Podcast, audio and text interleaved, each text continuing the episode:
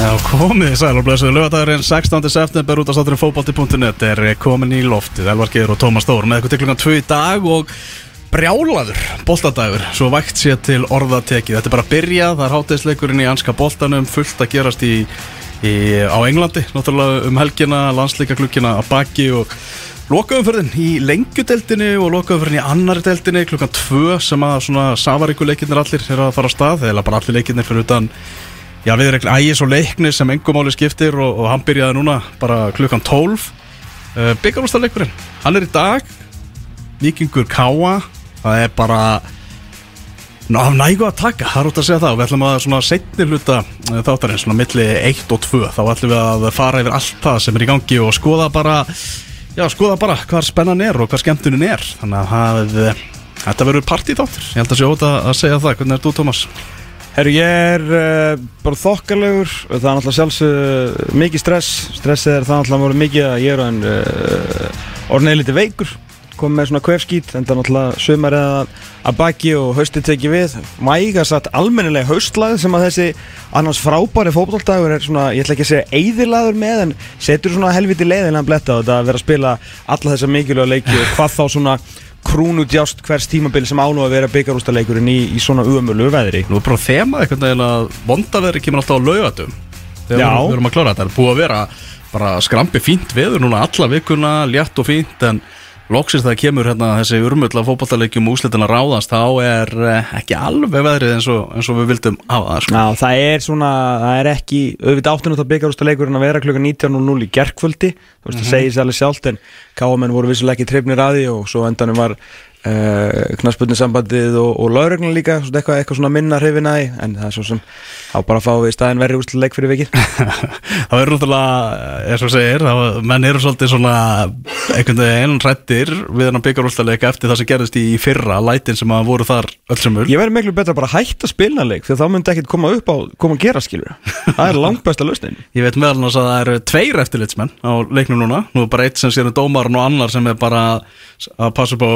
dómarinn og að og, og, vakta stuðnismennina sko. En verður gæstla? Já, ég held að vera mikil gæsla.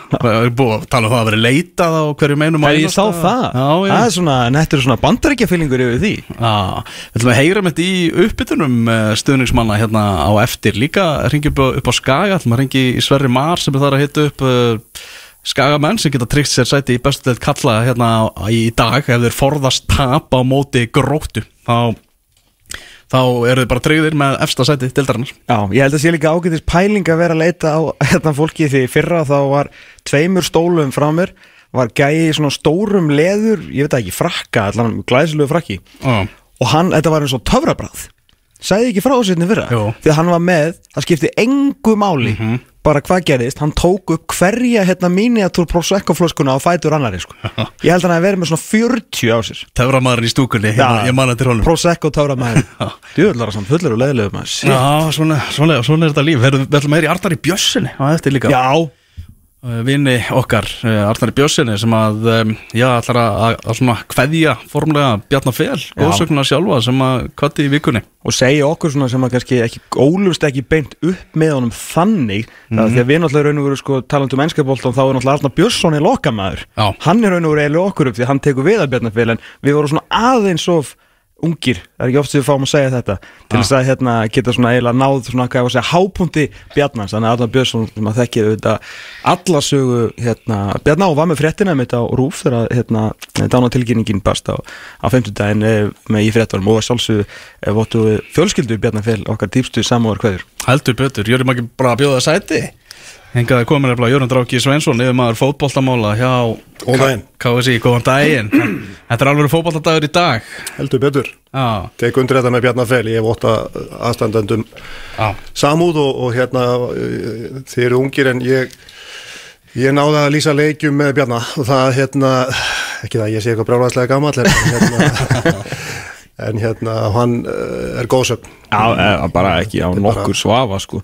Já, Eh, sko, náttúrulega það svona lífið, ég var ekki búin að sjá hann í, í mörg ár, mörg mörg ár. Svo var ég að lýsa hérna landsleiknum á mánudagskvöldi fyrir hérna sjónskerta þetta samstarf uh, KSI blindrafélagsins og, og samtaki íþróttafrættamanna frábært framtak mjög svo, mjög svo hefur hérna vakið bara miklu lukku, eðlilega, maður alltaf getur ekkert sett sig í spór nei. Eh, þessa fólks, bara aldrei en allan að það er ánægilegt að þau njóti leiksins betur, sérstaklega á svona dögum eins og þegar við vinnum leikina. Akkúrat. en í háluleika þá ætla ég nú að skjótast niður til að hitta þig. Já. þá ég vissi reyndar ekki að væri upp á þakki þannig að það var nú lengri leið en þurfti að vera. Mhm. herru þá bara kemur með mér í liftuna sjálfur Bjarni Félagsson og ég bara, þú veist, ég sá hann á mánudaginn og svo fæ ég bara, ef mér reyndar sagt þetta í hátdegin og hann á fimmtudaginn, hann sé, hann sé farin uh, blessaður sko, þannig að þetta var maður bara trúðu sig ekki. Já, ég var að tala um það verið, ég manna enn, ennþá þegar ég og Benni vorum einhvern veginn að leggja hjá lögadalsvellinum og við vorum saman í bíl, ég og Benni Bóas og þá er Bjarni Fel svona stíga út úr bíl, bíl hérna rétt já, sér okkur og svona veifar. Og við hugsaum bara, wow, Bjarni Fel er að veifa okkur. Að fyrra bræði sko. Það segir svona sitt um það hvað, hversu svona stór gaur þetta er sko. Já, já, algjör, algjör kongur. Heyrðu Jöri, en uh, við ætlum að byrja þetta á, Já, takk fyrir að bjóða mér í þáttinn. Já, bara að að koma Við ætlum að byrja bara á þessum landslýsklukka sem að núna er að, baki hvernig svona horfur tilbaka á hana landslýsklukka það var síðustu tveir dagarnir ansi góðir Sko, þessi vika var mjög góð. Þrý landsleikir, þrý sigrar. Eh, Tökum sko 21, 19 kalla Mhm. og að kalla Hinn vika var, var eh, ekki alveg eins góð Mhm. Við áttum ekki góðan dag í Luxemburg og, og hérna uh, og það voru náttúrulega viss vonbriði bara að hérna, við skildum ekki gera betur þar og, og, og við fundum það svo sem alveg að, að drengirnir og teimið var, var ósátt við, við hérna framistöðuna þar. Mhm. Eh, Þess vegna var virkilega gaman að sjá hvernig menn bröðust við og komu tilbaka á, á, á mánudaginn á móti Bosníu og, og við vorum bara mjög ánað með að sjálfsögðu að- vinna loksins, það er svona orðið svolítið síðan að við, við náðum að vinna hér og, og, og þannig að við við bara erum bara í ákveðinu ferli greinilega með liðu okkar að við erum í svona transition að, að hérna það eru eldri og reyndari leikmenn að, að kannski að, að að syngja sitt síðasta hvað var að landslýsferil mm og ungi strákar að taka við. En við þurfum hins vegar að passa okkur að við verðum að hafa reynsluna með þeim núna og, og þessi sem voru núna í þessum glugga voru, voru frábærir með þessum ungu strákum og við eigum náttúrulega fullt af flottum leikmönnum á leiðinni sem að hafa verið að, að gera vel. Og hérna ég var líka gríðal ánað með sigur 21 ásliðsins á, á, á sterku liði tjekka uh, á þriðjudaginn. Já, Uh, það gefur náttúrulega góð fyrirheit, fyrsti leikur í, í þeim riðli og, og við bara uh, fögnum því að, að allir sigrar eru góðir og þeir næra þannig að við, við erum bara mjög ánað með, með hérna, þessa viku. Já, og tvö flautum og mörkana í, Já, það já, er- á 21 dýrar í gerðinni Ekki verra. Þannig að, Já, hérna- sérstaklega dýrt hjá, hjá Andra Já, sko, og virkilega gaman að sjá hvað Andri Fannar er að er að hérna loksins að, að kannski að komast á þann stall sem að við, við höfum svo sem séð til hans að, að hérna hann er á góðum stað núna finnst mér í, í Svíþjóð og, og er að spila og er að spila vel. Það er mjög gott og jákvæmt fyrir íslenska fótbolta. Ég meina í þessu einví á móti tjekkum hérna síð, í síðustu undakefni, ég meina hann var bara besti maðurinn inn á vellinum í báðum leikunum á móti tjekkum og ég er svo, sammála því. Já, ég er svo- sammála því. svo kemur hann með þetta mark og, og er náttúrulega hérna í, í stúkunni. Já, já. Þannig að það er ótt að segja að það bara mikið ráð fyrir því að Andri sé að banka ansi fast á endur komið í annarstilhópin Já, ég, ég hef fulla trú á því að, að ef hann heldur svona áfram að, að þá verði ekki langt þanga til að hann verði komin inn í alishópin og, og er að spila núna meistraflósbolta á góðu level og spila. Já, bara með, með liðinu sem er á topnum í Svíþjóð, þannig að hérna, við vorum við vorum hérna ánað að sjá að hann, hann hérna fer þangað á lán og hann fer í rauninni bara beintin í liðið. Mhm. og, og þjálfarinn þar er gríðalega ánað með hann þannig að hérna, það er bara jákvætt og, og hérna vonandi bara heldur þetta áfram. Við bökkum aðeins í hérna, leiðindin í, í Luxemburg því að þetta er náttúrulega rosalega vegferð sem við erum búin að vera á svona erfitt ár á mörguleiti, þjálfarinn látum fara eftir eitt leik. Eh, það er tekin þessi ákvörðun um, að- um að fara í, í, í OG Júni klukkin tapleikir en einhverjir ákveðastu tapleikir sem við höfum séð í langan tíma. Allan það var enginn einhvern veginn á bakinu og allir ánæði með framistöðuna það hefur getað fengið eitthvað út á Portugal og alltaf hreikalega færa nýting hérna í, í leiknum og undan uh, þið náttúrulega vantilega allir þeir teimið og svo þú sem ég maður þeirra náttúrulega vonast á eftir progression upp og við. Já, en Luxemburg leikurinn var náttúrulega ekki bara fyrir utan einstaklismistökin tökum þau út fyrir myndina. Já, já. Hrottalegur. Og þetta voru alvöru skref tilbaka þannig þú veist, eftir leik hvað, hvað ert þú að hugsa? Þetta var þetta mikið, mikið eh, sko, sjokk fyrir okkur að, að tapa og tapa með þeim hætti sem við gerðum mm -hmm. við, við, hérna, þeir voru bara betri Já, já. þeir voru bara betri fyrir fyrstu mínútu og ég var nú með liðinu að núti og, og bara eftir tíu mínútur og ok, þá hugsaði maður bara herri, það er eitthvað svona, við erum eitthvað off svo skoraði þeir þetta mark eftir, mm. eftir mistök, Já. víti Já, já. Eh, og þá fannst mér við aldrei komast í takt við leikinn og, og auðvitað eh, hugsa maður þá eins og nefnir, við erum búin að fara í gegnum ímislegt, við skiptum með tjálfara og, og kemur inn og við áttum fína framistur hérna í júni og miklar væntingar. Og það var búið að, hérna, náttúrulega leggja það upp með að við ætluðum að ná sex stigum út úr þessum glugga. Já, og auðvitað var það, var það hérna, svona setback. Uh, hins vegar fannst mér strax eftir leik að, að hérna og þá kemur kannski reynslan í, í óge inn að hann sagði ég hef engar ágjör að þessu, við erum alltaf að fara að vinna Bosníu. Og, og hérna og hans teimi hann og hans teimi bara unnu bara sérstaklega vel í því að undurbúa það verkefni uh, alveg á tíu. Og hérna það var ákveð að fara í smá breytingar breytingar á liðinu á svona kannski taktískum þáttum uh, og svo framvegs þannig að hérna og svo þegar maður sér leiðið koma út á, á móti Bosníu og hugsa að það voru margir sem sagðu sko þetta væri nú svona aðeins minna tempo og svona það væri lítið að gerast en, en, en það var bara eitthvað sem að hann var alveg samfarið um að væri rétt að fara uh, þessa leið, að, að leggja kannski öllitið meira tilbaka og treysta á, á hraðamenn, hann setur Mikael Nevel inn í liðið, hann setur Willum inn í liðið og svo framvegis, uh, Orri Steitni komir hann inn sem er bara frábært að sjá. Mhm. þannig að hérna ferska fætur og, og, og, þannig að við bara einhvern veginn ég veit það ekki, ég held að sé mjög mikið aðri í svona þegar, það gengur illa að, að fylgja sér á bakvið bæði strákana og teimið. Í stað þess að vera í einhverju svona gaggrínis, uh, auðvitað rínum við til gags en, en, en svona vera ekki að fara að rífa eitthvað niður. Þannig að ég tel að þetta hafi bara hefnast vel og auðvitað hefur viljað fá 60 út úr þessum glugga. En, en hérna þrjú stig og við verðum bara að halda áfram, það eru tveir heimaleiki núna í óttobер við, við Lichtenstein og Luxemburg. Og, og ég veit að það er must að, vinna þá tvo leiki. Að En við veist, eins og þú segir, bara allt liði náttúrulega bara fann sig engan veginn eins og leikamótið Luxemburg, svona, veist, leikmaður eins og Hörður Björgvin fær mestu gaggrínuna í, í liðinu. Þarna, það er ekki að taka einhvern veginn svona þrátt fyrir að Hörður Björgvin sé nú einn reynslumesti maður liðsins, það er ekki að taka svona sérstaklega vel utöfunum hann eftir svona. Jú, jú, auðvitað hérna uh, og Hötti var fyrstur til þess að viðkynna það og, og, og hérna sagði það inn í hópin að hann bæri bara talsverð mikla ábyrð á þessu og mér varst það vel gett hjá Hötta mm. Þessi strákar hafa náttúrulega bara gengið í gegnum ímislegt og, og, og eins og Hörður hann er að spila á þokkala háu leveli og er bara aðtunum aður fram í fingugóma Og gert allan sem feril. Já, já, þannig að hérna mér fannst hann bara gera það með reysn að, að hérna hann vissi að hann hefði ekki staðið sér vel og gert mistök og hann bara viðkendi þau og svo bara stutt hann strákana og hann var farin til til Greiklands bara morgunin eftir þannig að við sáum hann afskaplega lítið eftir leik þannig að hérna en hann bað bara fyrir góða kveðjur og, og hérna virkilega flottur flottur aðdunumæður sem að hérna veist, auðvitað gera með mistök og allt það en, en, en þetta er eins og þú segir, það þarf að það þarf að halda vel utan á og, og, og, og tryggja það að allt sé upp á tíu.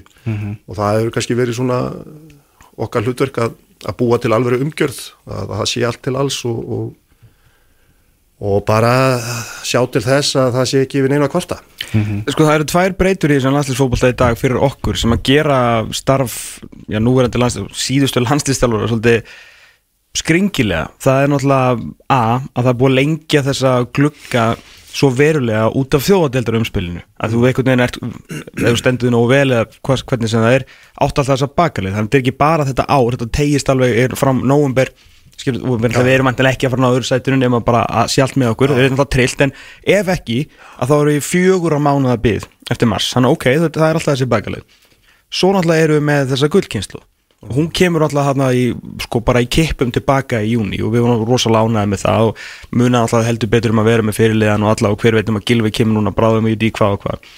En síðan spila þessir fleiri ungi strákar einan leik hérna og stóðu sér allir fanta vel uh, og allt í góð með það. Og einhverjum tímbúndi sko þetta er náttúrulega, kynnslóð skiptir náttúrulega skrítið orð fyrir, fyrir landsliði því að náttúrulega þú spila bara eða nógu góður, hvort Jú. 17 eða 37, skiptir engum máli. En og er náttúrulega núna kannski svolítið við hefum að segja skemmtilegri klemmu, svona alvöru þjálfara klemmu hvað hann gerir hann núna? Þú veist, ef að Sverringi klári næsta leik, auðvitað startar hann en hvað svo ef hann er ekki klári í mars? Ég meina hann er búin að mæta í 12% landslíkskuga skilu, Aron Einar að glíma við hælmeðsli, hann er 33 Jú. Þú sko, Alfred, hef, sem betur fyrir hann alltaf rosa heill núna og eigum síðan orrinni, en fattur þú skilur hvað er að segja? Það Þetta er rosalega bara- erfitt að treysta Já, já. að, að hún bara sé heil. Hún er ótrúlega góð, þannig að hún sé heil.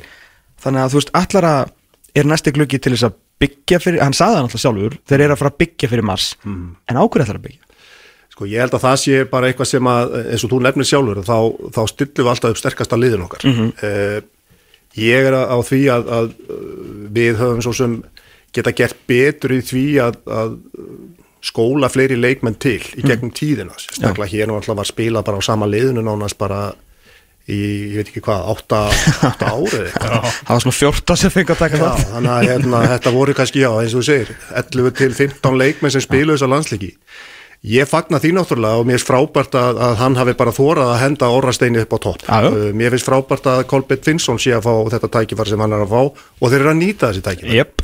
uh, hvað hann gerir er, er síðan eitthvað sem við munum setjast yfir núna Mhm. uh, og, og við höfum alveg rætta að það þurfi mögulega að fara í einhverja svona smá endur nýjun en þó ekki með þeim hætti að, að, að þessi stráka sem er að koma inn, þeir þurfa að hafa guidance, þeir þurfa að hafa einhverja reynslu meiri menn með sér til þess að stíga þessi fyrstu skref sem er ofta tíðum mjög erfið.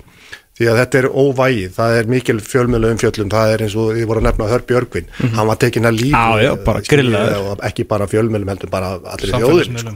samfélagsmiðlum og allt hvað þetta heitir. Þannig að við þurfum bara að tryggja það að, að þetta sé í lægi og við höldum vel utanum það og við byggjum þá e, þessa stráka sem er að koma inn og er að, vonandi að fara að taka við. Ég veit ekki hvort það verður strax núna eða eftir ári eða tvö það er bara eitthvað sem að verður að koma í ljós.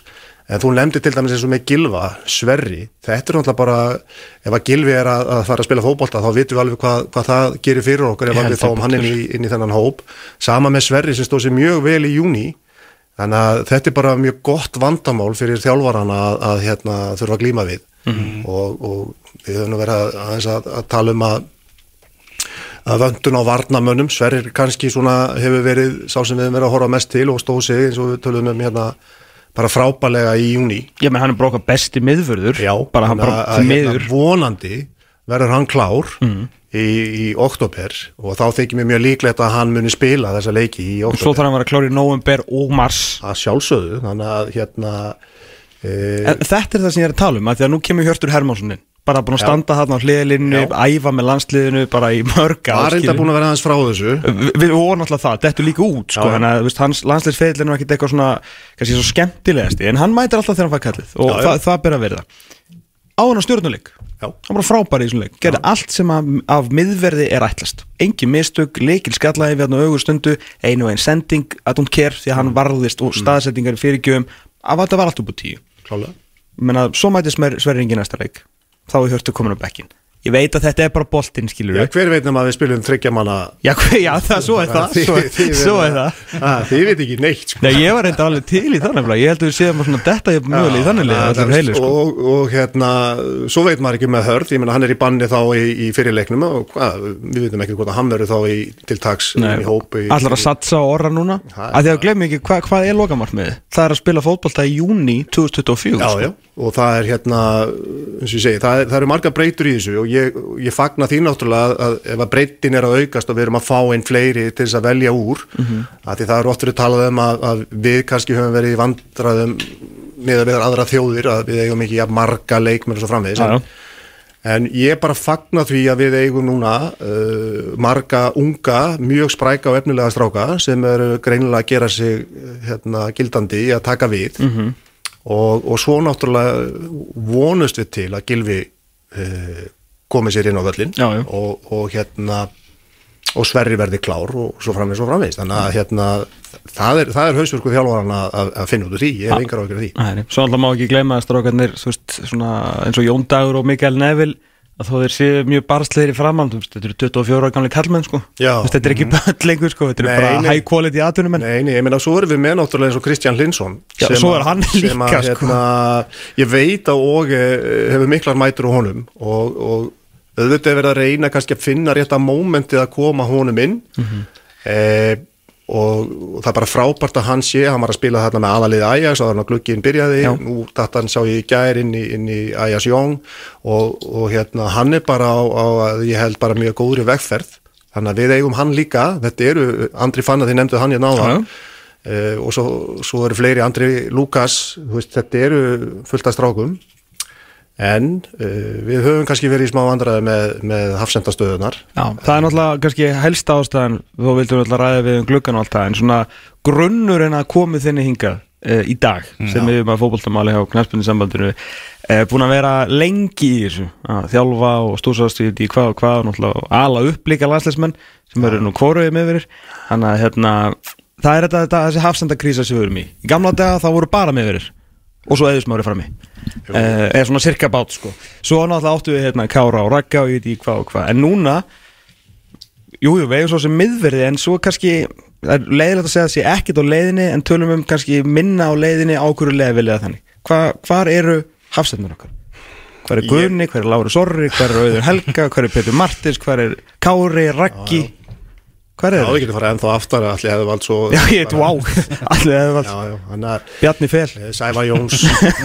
Eh, hérna, Nei, þetta er rétt sem þú segir. Ég held að, að, að þetta sé margþætt vandamáli hægt að kalla vandamál. Í dag er það þannig að að ungir leikmenn eru mest að, að horfa á að spila einhver aðra stöðu heldur en hafsend og það kemur kannski margt til. Í fyrsta lagi er það að hérna, það er ekki eins sexy, ef ég get notað það orð að spila hafsendstöðu fyrir kannski unga krakka.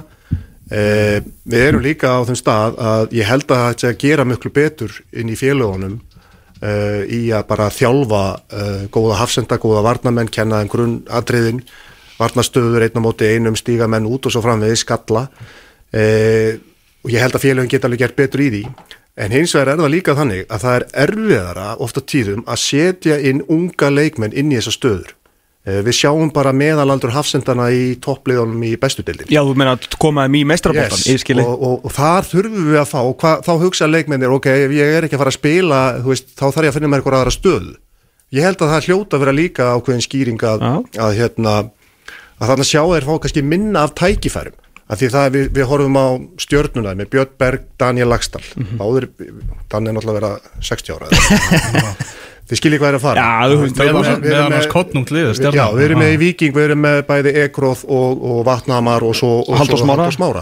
Þetta, er ekki, þetta er ekki ungi leikmenn. Eh, Viktor Örn Hólmar og, Elli Helga. Þetta er, þetta Svona er að Viktor Örn. Þannig að og ég held að það sé partur af því að við kannski erum ekki að, að, að fá inn uh, góða leikmenn sem að vilja bara satsa á það að alla sér að verða góðir hafsendar.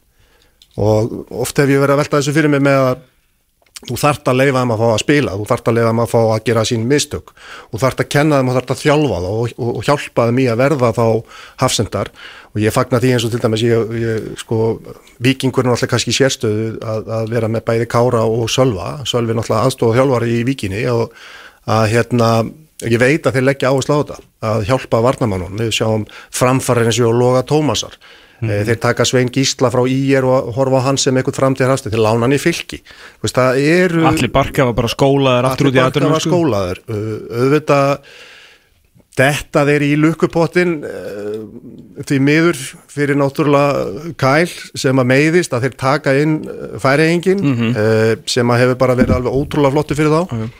uh, og, og svo hérna þetta er alltaf svona þetta við erum að horfa kannski að hafstendurna okkar þeir eru kannski að spila fleiri landsleiki heldur en leikjum í félagsleinu Mm. það er að segja strákar sem eru í U17, U19, U21 að þeir eru kannski frekar að spila við höfum verið að færa uh, miðjumennir í hafstenstöðu í landsliðum þeir eru kannski ekki, að fá tækifæri í sínum félagsliðum en spila, ég get nefnt Robert Orra sem dæmi. Uh, hann er, hann er eh, hérna fett til Ameríku, spila lítið með sínum félagsliði en hann er leikilmaður í U21. Meittur núna, veist þannig að er Logi Hrafn, FH, búin að vera miðjumaður hjá FH uh, í landslýsungurinu höfum við hort á hann sem Einmitt. þannig að þetta er alltaf svona samspil og samvinna á milli bæði félagsliðis og, og, og landsliðs þannig að við erum bara þurfum bara einhvern veginn að, að halda áfram að, að vinna í þessum málum og reyna að fá, fá félagin til að, að koma í, í lið með okkur. Uh, við verðum að hafa hafsenda og liðin verða að hafa hafsenda þannig að hérna, þetta er bara challenge fyrir, fyrir alla í fótbolta samfélagin En er fótbolta umhverju líka bara þannig þú veist, með hérna, öllum leikjunum í beinni með þú veist, TikTok og YouTube þú veist, það er rosalega lítið af þó að hann sé góður ég sé mér fá myndbönd með Virgil van Dijk eða þú veist, hérna Robin Díaz, en ég sé ógeðslega mikið af hinum gæðinum sko, þú veist, er heldur að sé erfiðara eða heldur að sé bara ekkit verið yfir höfu í félagunum að vera að selja kannski strák bara, herru, þú veist, þú verður geggjað með þú hefur yfir sinna, þú kannski alveg svo fljótasti. Þú veist, má þetta kannski ekki Já, Þú mæta sjáum, ekki, við sjáum bara ekki marga ha- hafsenda fara út í atvinnum mennsku uh, nefniði mér einn. Sölvi Stefáns bara Akkurat, hann er svo eini. Já, hann er 2007, 2007. hann hefur aldrei spilað fyrir Viking Nei, nei, nei. hann hefur aldrei spilað hafsenda á okkur leveli en hann hefur spilað það fyrir yngilanslið einmitt.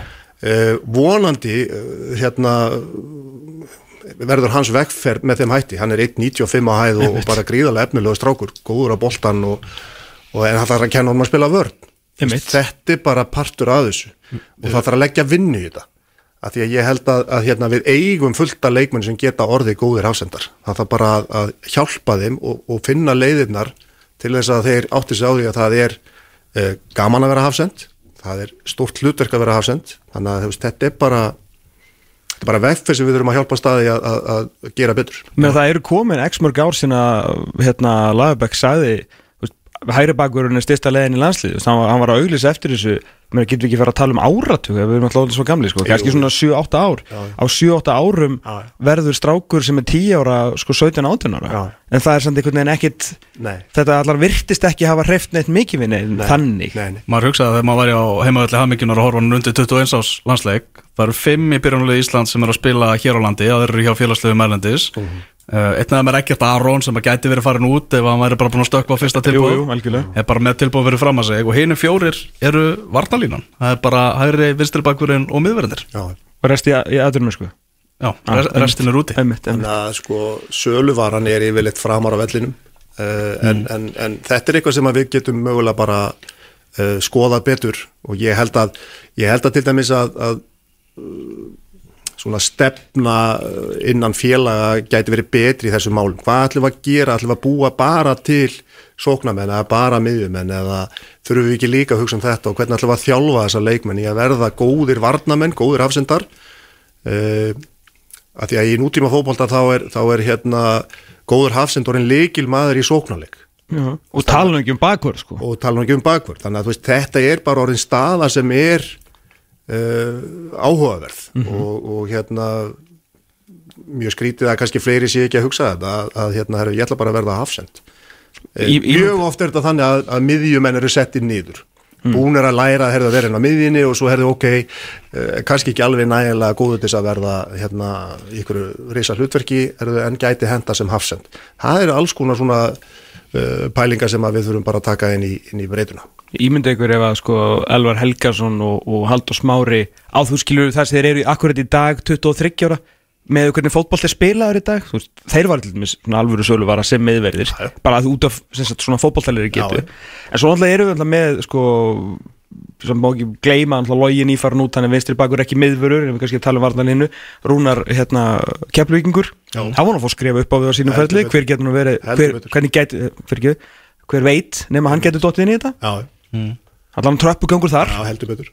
Og ég menna það, við bara fögnum því. Og, Algjörlega. og, og ég Þurfum við að fá okkur að sérhæfa varnarþjálfara í Íslandska bóltan Við erum nú oft svona þegar við erum að fá uh, krakka inn á landslýsæfingar þá hefur okkur fundist stundum svona vanta upp á þessi grunnatriði bara í varnarleik og þá er ég ekki bara að tala um varnarlínuna heldur bara hvernig þú stendur, hvernig þú stígur á, á sóknamann, hvernig þú stígur menn út, hvernig þú ert að skalla, hvert ert að skalla og svo framvegis. Þannig að við höfum þurft stundum að eigða ómiklum tíma á okkar mati í bara að fara í svona grunnatriðin. Auðvitað er það eitthvað sem við getum öll bara að hjálpa stafi að herðu, við þurfum bara að laga þetta og gera þetta betur. Af því það er öllum til, til hagspóta að, að hérna, bæði íslensku félagsliðum og íslensku landsliðum að við eigum, eigum hérna, góða, góða varnamenn í öllum stöðum á vellinu. Hvernig er vókallin hjá ungum leikmörum í dag? Uh, Hefur þetta ekki snara minga? Ertu að menna að vera uh, Bara látið sér heyra og kjaft- kjaft og stýra bók? og bara svona smá, já Jú, ég held að hérna, jú, jú, það, við eigum ekki þessa, eins og þú nefndir áðan alltaf þessa gömlu hafsendar sem að letu bæði finna fyrir sér líkamlega og, og bara með, með smá dólg og kjaft. Já. Uh, Mér varst áhverð að Láru Sorri var að tala um þetta þarna í kringum leikin hann, hann, sagði að þegar ég kom upp fyrst þá var ég ekkert leiðtói og var ekkert að bladra eða neitt annir svo bara þróaðist það. Já, já, svo bara varðan það já, já, og, við, við, og þessi umræða sem að ég sá þarna í kringum leikin, hún átti alveg rétt á sér og ég skil alveg þessa, þessa punkta sem Kári og, og Láru Sori voru með. Uh, auðvitað eru þeir eh, náttúrulega nostalgíur og, og, og hérna Já, já. Allt í góðu með það en, en ég veit alveg þetta, þetta er alveg satt og rétt þeim að við, við getum gert betri í þessu en hvernig þjálfar upp leiðtóa hvernig, hver er munurinn á að vera vóka leiðtói vera svo versus sem er bara svona freka bara rólegur en yfirvegur en allir bera virðingu fyrir Já, bara, þetta er bara Kári og Gilvi Já, annar, þú veist bara, annar er stór og þú veist Yes. lætur þessi heyra, hinn bara hleypið 13 km leik og er bestilega með. Já, og Jói Berg bara núna og síðan Jói Berg Já, ég uh, tek einmitt eins og með Jóa Alfreð líka Já. núna þú veist, þeir voru bara úgisla flottir inn í þessum hóp núna og þú þarft ekki að vera með 11 öskur Nei, þú vilt samt vera með alltaf svona Já. kannski eitt sem á svona aðeins. Já, en þá komum við líka kannski uh, þeir sem eru fyrir utan hópin eru kannski ekki alveg átt að sig á því hvað er í gangi, hvernig er kemistrið í hópnum. Nei. þannig að veist, þetta er bara partur að þessu og er bara skemmtilegt. Já, en, en hvað getur samt þú veist, gert til þess að, ég meina þú ert vantilega að fara inn á æfingar og mikið bara svona í umhverfinu per se þar sem að kannski færri eru nema sem sem eru akkurat að þjálfa eða vera að er þetta hægt að bara KSI getur ekki skipa félagunum að búa til hafsenda, en þetta þarf náttúrulega að vera samstarf nei, nei, við, við bara, þú veist, við erum með yfir þjálfara fundi og erum að ræða þessi mál okkar á milli og, og auðvitað eru landslýstjálfarnir líka að fara út í félögin og fylgjast með horfa á leiki og koma með ábyrningar. Ég, mani, ég talaði við Kára Átna þegar ég, ég sá eitthvað stendi með Sölva Stefánsson. Uh, hann hafði verið að spila mikið á miðjunni hjá Viking og svo settum við hann í hafsend í landsliðinu og ég, ég man ég heyrði í Kára og, og hérna, við vorum alveg sammálu um að, að hans vegferð væri sennilega að enda sem, sem hafsend. Mm. og hérna og ég hugsaði bara ok, þá er hann á mjög góðum stað. E, og, og Kári sagði þá í sama samtali að, að hérna, hann mun aldrei spila fyrir Viking af því að hann er bara hann er bara það Hann verður bara farinn. já, hann er bara komin það langt og, og verður bara farin út á hann langt í líf og svo var það bara staðarinn þannig að ég held að hérna, ég held að við getum gert betur í eins og ég sagði áðan að, að, að koma með meiri inputin í þjálfun að þjálfa meiri varnarleik, þjálfa meiri varnarfæslur þá er ekki bara að tala um uh, öftustu línu, markmenn og svo framvegis, heldur bara á öllum liðinu mm -hmm. Að ég held að sé mun meiri áhersla lögð á að, að æfa sóknarleik, uppspil og svo framvegis.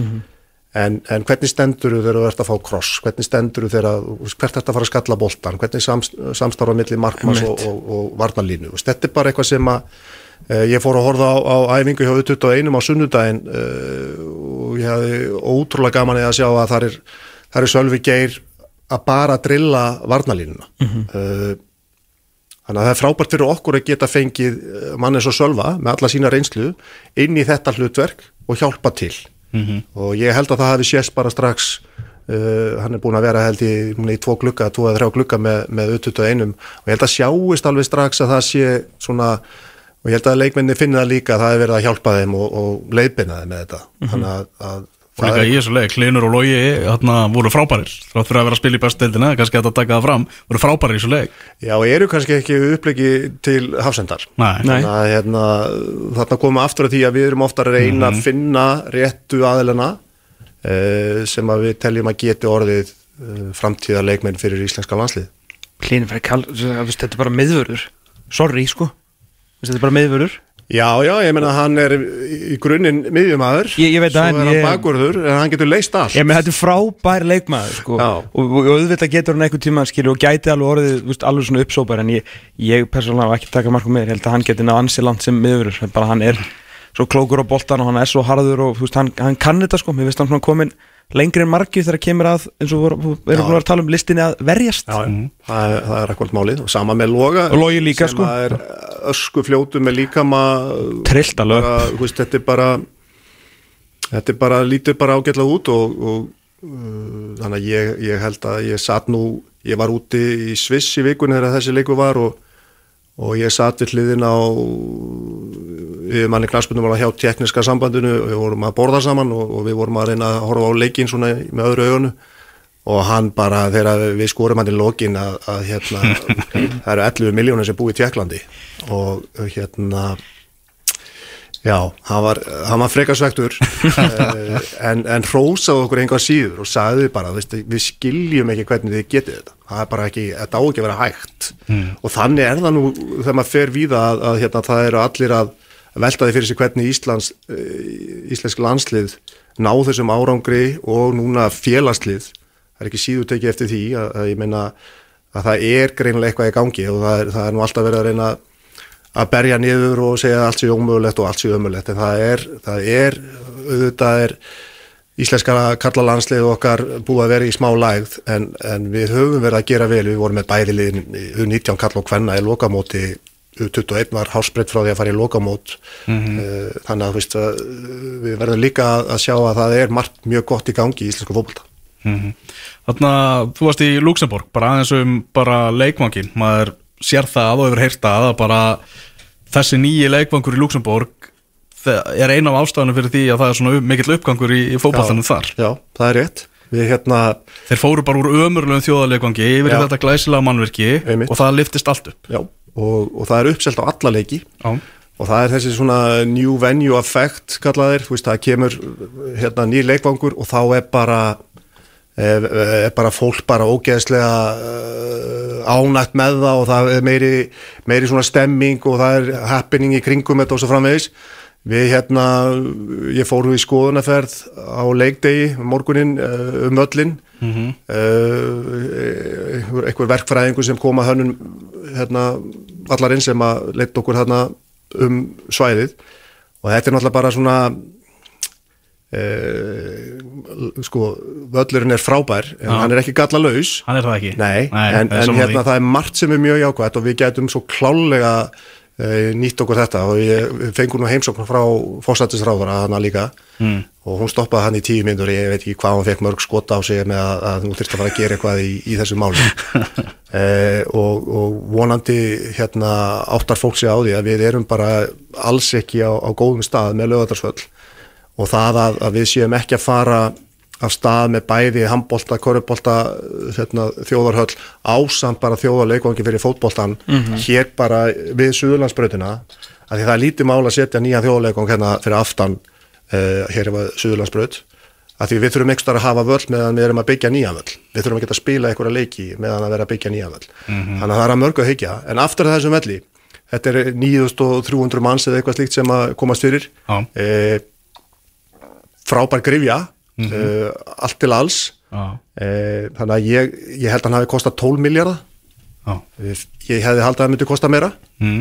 uh, en, en hérna ég bara trú ekki öðru en að, að ráða með þjóðarinnar muni fara með okkur í þessa vegferð og reyna að gera þetta almenlega því að við erum á undan þá hér og, og liðin okkar sem eru að gera vel í Európa-kefni þau þurfa líka að geta að spila eitthvað starf þannig að við við verðum að hérna ég setja í þrýsting reynilega þó svo mm. að það sé búið að gera það undanfærin ár að, að fá, fá þetta í lag, bara eins og lýsingin lýsingin að núti, alvar nú að stóða að núti ah. að, að hérna þetta er ótrúlegt hvað, hvað munar í, í lýsingunni Einmitt. að hérna uh, það, bara það klefamálin mm -hmm. aðstæða fyrir fjölmila mm -hmm.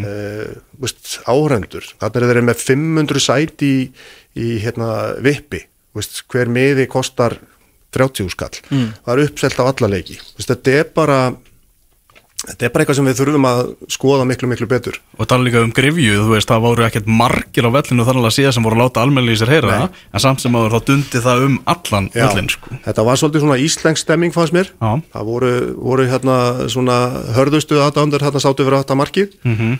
og gerðu mjög vel og það heyrðist mjög vel í þeim mm -hmm. uh, og auðvitað er völlurinn lokaður það skiptir, það sést ekki þag en hann mm. er mhm. lokaður allan hingin og það myndar náttúrulega miklu meiri stemming og áhörundu sita nánast alveg voni, voni í völlin mm. Sam og ég færum, það er bara skansinn fyrir aftan annar markið og þú veist það er alveg nóg Ég, tal, ég talaði mennum völlinum daginn bara svona til að ítrekka enn og aftur um og gert það ofta, þetta snýst ekki um fjöld að sæta þeir voru eitthvað að tala um en að byggja bara, þú veist, fyrir aftan mörkin og eitthvað. Það snýst ekki um það að bæta við sætum þetta snýst náttúrulega bara um að sé með aðstæða fyrir alla sem koma að leiknum.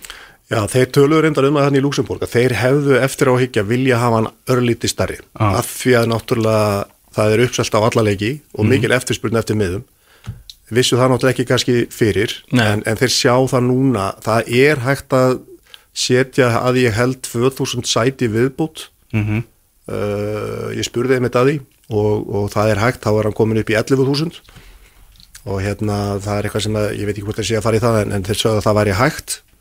Uh, En þú veist, fyr, fyrir hennar nýja leikvang þá var, taldist það gott að þeim að fá bara 3000 manns á já, völlin já, Nú eru þeir með 10.000 manna völl sem að er uppselta. Já, bara eins og hendis við veifað já, En Það er náttúrulega máli með hérna, velli að eins og Kevin Costner saði í Field of Dreams 1989 Já. Þú veist, build them and they will come Þetta er það sem sviðni gerir Þeir fóru úr ykkur svona rottuhólum margi hverjir í bara full blown leikvanga og allir bara herri strakkar Þetta er sænski fótboltinn sko. En svo eru 15-20 manns á leik.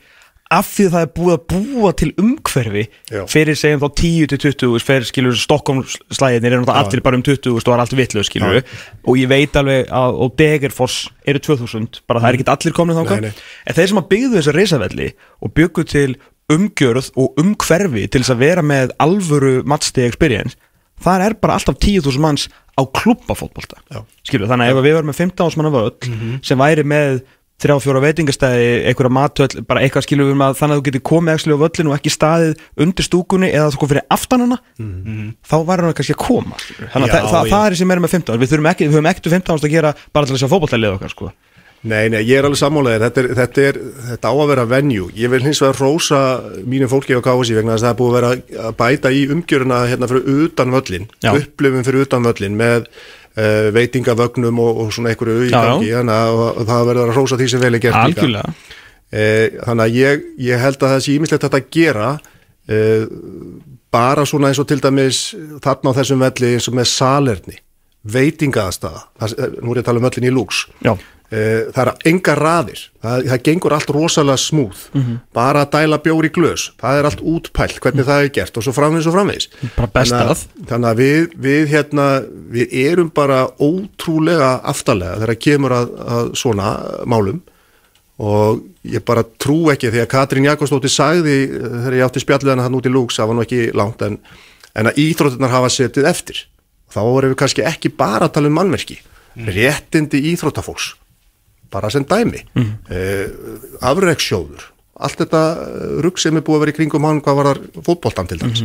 Þannig að hérna uh, við, erum að setja fullt af skattpenningum í, í listamannalaun en, en nánast ekkert til íþróttafólksins okkar. Hver eru réttindi þess að fólks þegar þau uh, hérna, hætta að geta stundað sína íþrótt? Að því við erum ótrúlega fljóta að hampa öllu þegar vel gengur. En svo erum við fljóta að gleyma þegar, þegar hérna fyrir að halla þess Já, ég meina, þú veist, við gleymum aldrei mestu, svona, ég veit ekki hvernig maður að lýsa, maður að passa þegar maður lendi ekki ykkur um fyrirsögnum, sko, þegar að Silvustrákarnir komu heim og ríkistjórnin stóð uppi með þeim á sviðinu, sko, eins og þeir hefðu gert eitthvað, já, já, eitthvað einmitt. til þess að búa þetta til, gerðu ekkert, samt mættu upp á svið, maður bara, þú veist, drullið en það munið að Óli tók ekki svona í að nei. hann var bara, hvað í bokkanum er að gera þetta, sko. Svo og ég vissulega held að sé nú flestir og þessar ríkistjórn farnir en þessi ríkistjórn og allar ríkistjórnir og eftir þeim og allar borgarstjórnir hafa ekki gert raskat nei, í við, bala við verðum hins vegar að, að það verður aldrei beigðu völlur. Miður Já, Ég veit ekki hvort að við lifum Nei, ok, ég meina að við það, ekki á okkar lífslið En allavega, ég meina ráðuneyti íþróttamála uh, á samt ISI uh, réði Viestin Hafstinsson inn sem afreikstjóra og hann er búin að fara mikið með, með það hvernig hann vil sjá hlutina og, og það er bara frábært. Hann er með mikið metnað og kemur inn með sína reynslu en uh, við erum búin að mörg samtöl ég og og, og hann er búin að koma að vera með kynninga fyrir okkur nýri KSI og hann er búin að fara í öll sérsamböndun og svo framvegis ég segi alltaf við hann það, það gerist ekki neitt fyrir að peningurinn er komin inn í myndina. Og, nei, nei. og hérna e, þetta lítur allt saman vel út á blaði en það þarf, að, það þarf að gerast eitthvað og það þarf að framkvæma það helst bara strax í fyrradag. Það, það verður að gera það. Þannig að hérna réttindamál, vinnutap það er bara svona alls konar hluti sem við erum bara svo langt á eftir þeim þjóðin sem við viljum bera okkur sama við. Þannig að, að hans býður mikið verk en ég held að hérna að við sjáum vonandi eitthvað, ég veit það ekki þið eru svo ungir maður, þið munu upplýða þetta. Nei, ég held ekki. En sko, þið verðið að lofa mér einu að þegar að við spilum eitthvað reykjulega mikilvæganleik landsleik uh, á tenni eða á parkin eða bröndbíð eitthvað. Hvar viljið þið spila? Hérna? Mér er alveg sama sko, þetta verður ég vandrarlegt bara hvar sem við verðum sko. Ég vil færi þér Já, færi er heila helst sko, jú færi er Og það er það bara hvað vandræðalegast Já, það, já, það er mjög, ok, segjum við mætum á, á Tórsvöll, er ekki Tórsvöllur eða? Já. Já, að hérna, það er svolítið bara samar síðast þegar ég fór á Tórsvöll, en ég mann alveg. Hérna, e, e, e, ég vil fá þann leik, og þann völl og fórsetis og fjármálar á þeirra verði heiðuskistir Þannig að þau þurfa að taka þátt í því að rölda þarna út fyrir framann skansinn og taka í hendunar strákunum okkar af því að þeir, þau eru búin að senda það úr landi Verðum við ekki að viljum með líka Hann, hann tekist nú einhverju hann Heilbrigðis á þeirra? Já, já, hann verður ekki framsónaflokkurinn að koma eitthvað að þessu Jú, ég er bara mér að þú veist bara, veist, þetta verður bara að gera sko. að það þýr ekki bara að mæta í partíi sko. Nei, nei, þetta er náttúrulega bara auðvitað er þetta bara neysa fyrir okkur að við þurfum að fara í þetta bara að hugsa þetta er meina, sko. og við, við hristum stundum höfum við sko því að hérna Reykjavíkuborg í rauninni á mannverkið mm Mhm. ríki þarf að koma að þessu. Það er ekkert mikið samtal greinilega á milli ríkis og borgar um þessi mál. Eh, þannig að hérna pólitíkin uh, par excellence í þessu. Þetta er svolítið svona heit kartabla sko. Já, já, hérna þið, það vil enginn taka skarið. Eh, þannig að veist, þetta er bara því miður hittakerfið, skrifstofu knarspöndusambansins eru þarna, það er ógeðslega kallt þarna á veturna, það er ógeðslega heitt þarna á sumrin, veist, þetta er bara það er það lekur inn á mörgum stöðum og svo framvegis og framvegis, þetta er bara því miður bara ekki góðum málum. Eh, vonandi sjáum við eitthvað. Ég var nú að fundi í gær með FIFA og sjá hvort að hérna væri hægt að sækja ykkur að peninga til að koma einhverja stað skilur bara til, til FIFA. Mm. og hérna auðvitað eitthvað að skoða það ég veit, ég veit ekki hvort að það sé bara nýtt gler í eitthvað glugga sem leika ég veit ekki hvað það er mikið en, en mér, mér dætt bara í huga að spurja bara hvort það væri ekki að fá eitthvað styrka eða eitthvað bara reyna, reyna að gera eitthvað sko. mm. þannig að við erum alltaf eitthvað að reyna að betrum bæta á laga uh, og samaskapi við sjáum bara hérna KSI er alltaf ykkur staðar í fréttum það er alveg sama hvað það er það er allt bara fyrirsegnir er ég vil byrja, ég vil alltaf KSI þetta, þetta, Mhm. þetta. Og bara eitthvað dæmi að það var verið að útlita einhverjum peningur og, peningum úr hérna, orkusjóðu, orkusjóðu varandi hérna, orkuskipti. Og ég held að Sameri hafi fengið 100 miljónir uh, og Ölgerðin einhverja 10 miljóna einhverja, úst, bara svona og einhver önnu fyrirtæki, þetta voru 20 miljóna, 100 miljóna en fyrirsögnin var sem sagt KSI fekk eina miljón til sláttuvel að kaupa Vist, þannig að þetta er hérna við eigum að reyna að nýta okkur það Og hefði ekki verið að brandið nýta þennan pening í KSI völlinn, er svo geggjað, það er alveg sama hvað hvort það sé gott eða ekki gott að hérna, fólk fattar ekki hvað þetta er mikið inn í þjóðinni. Að hvað knastbundisambandið og íþróttarhefingin er bara samgróin öllu Mm. Sem að heitir, heitir hérna íslenskt eitthvað. Þannig að hérna, við hefum að nýta okkur þetta og gera þetta vel. Við erum með frábært íþróttastarf í, ekki bara í fótbolta þetta er bara í flestum greinum. Þannig að hérna, og það þarf bara að gera ógisla vel fyrir alla. Og, og hérna auðvitað höfum við verið náttúrulega kannski öðruvísi en, en önnur sambönd að við höfum verið með, með meiri peninga. En við eigum engan pening með önnur sambönd. Bara, ég var að fundi núna í vikunni í Sviss í Liechtenstein búa 38.000 manns. Þetta er eitt minnsta ríki í heimi. Það eru tæmlega 40 manns sem vinna í knaspundum í Liechtenstein. Bara til þess að gefa ykkur dæmi. Leikmyndar eru ekki svona að vinna við að spila fótbolta. Það eru 600 mann sem vinna í hollandska knaspunsambandur það eru 1000 mann sem vinna í ennska knaspunsambandur við erum alltaf hérna bara það þarf allir að hlaupa meira og svo framvegis og framvegis.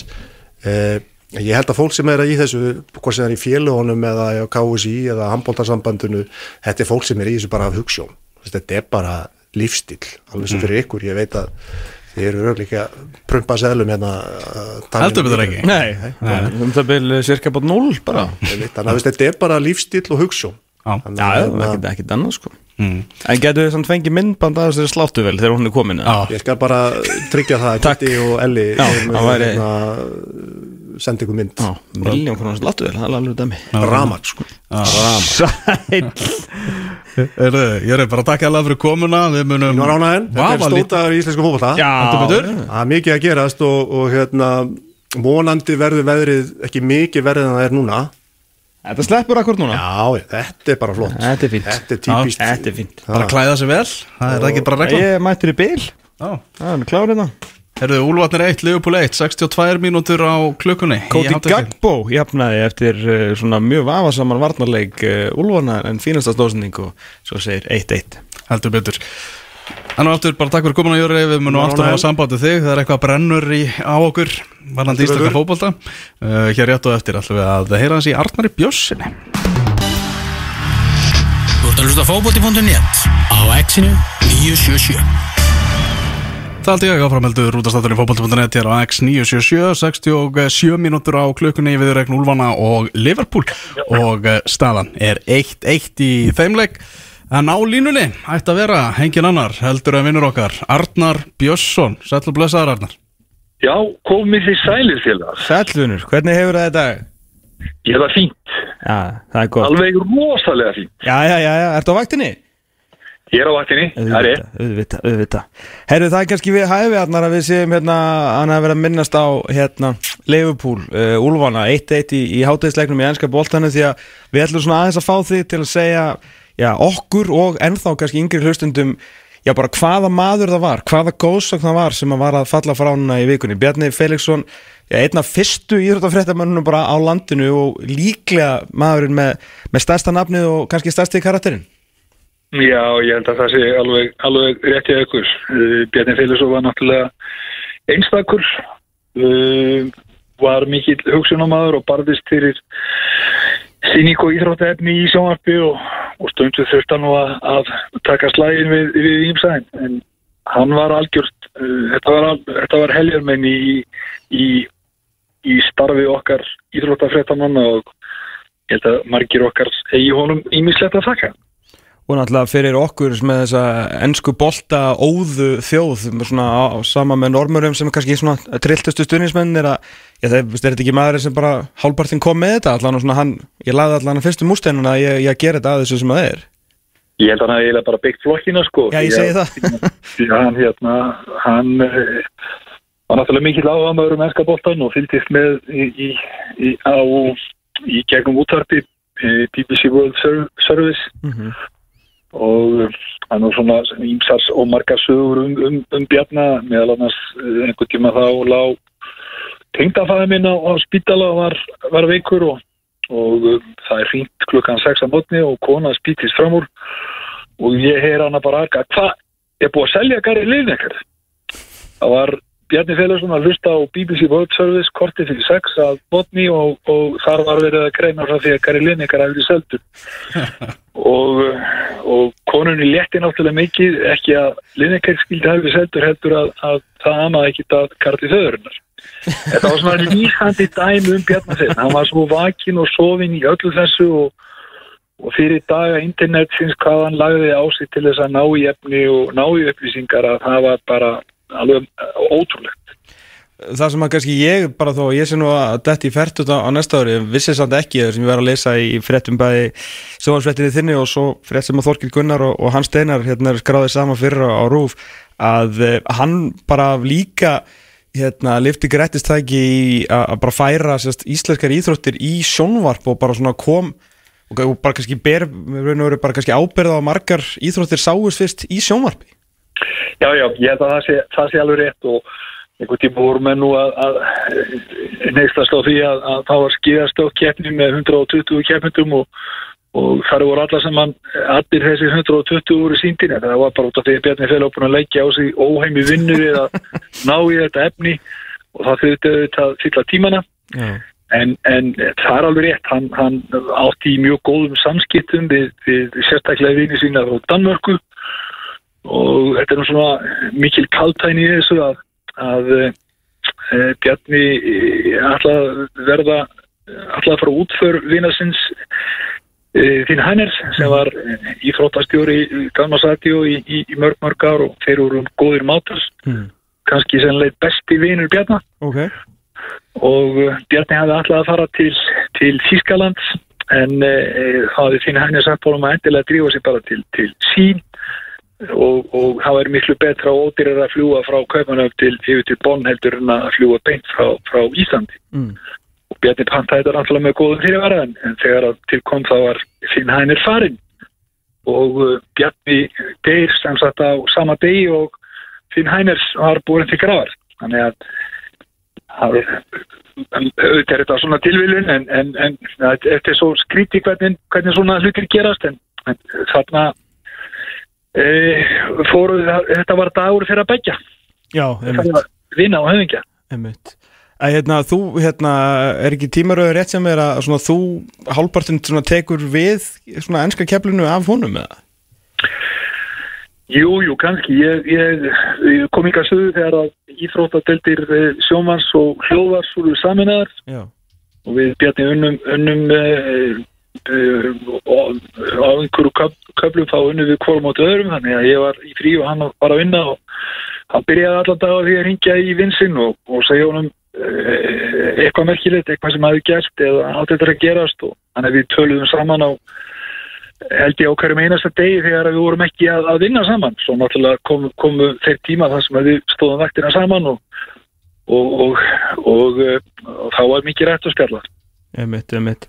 Og svona alltaf mikill, mikill karakter, svona skoðanir og miklu og svona hvað sem að líka kannski þurfti að vera til þess að, að vera svona mikill, mikill brautur í andi.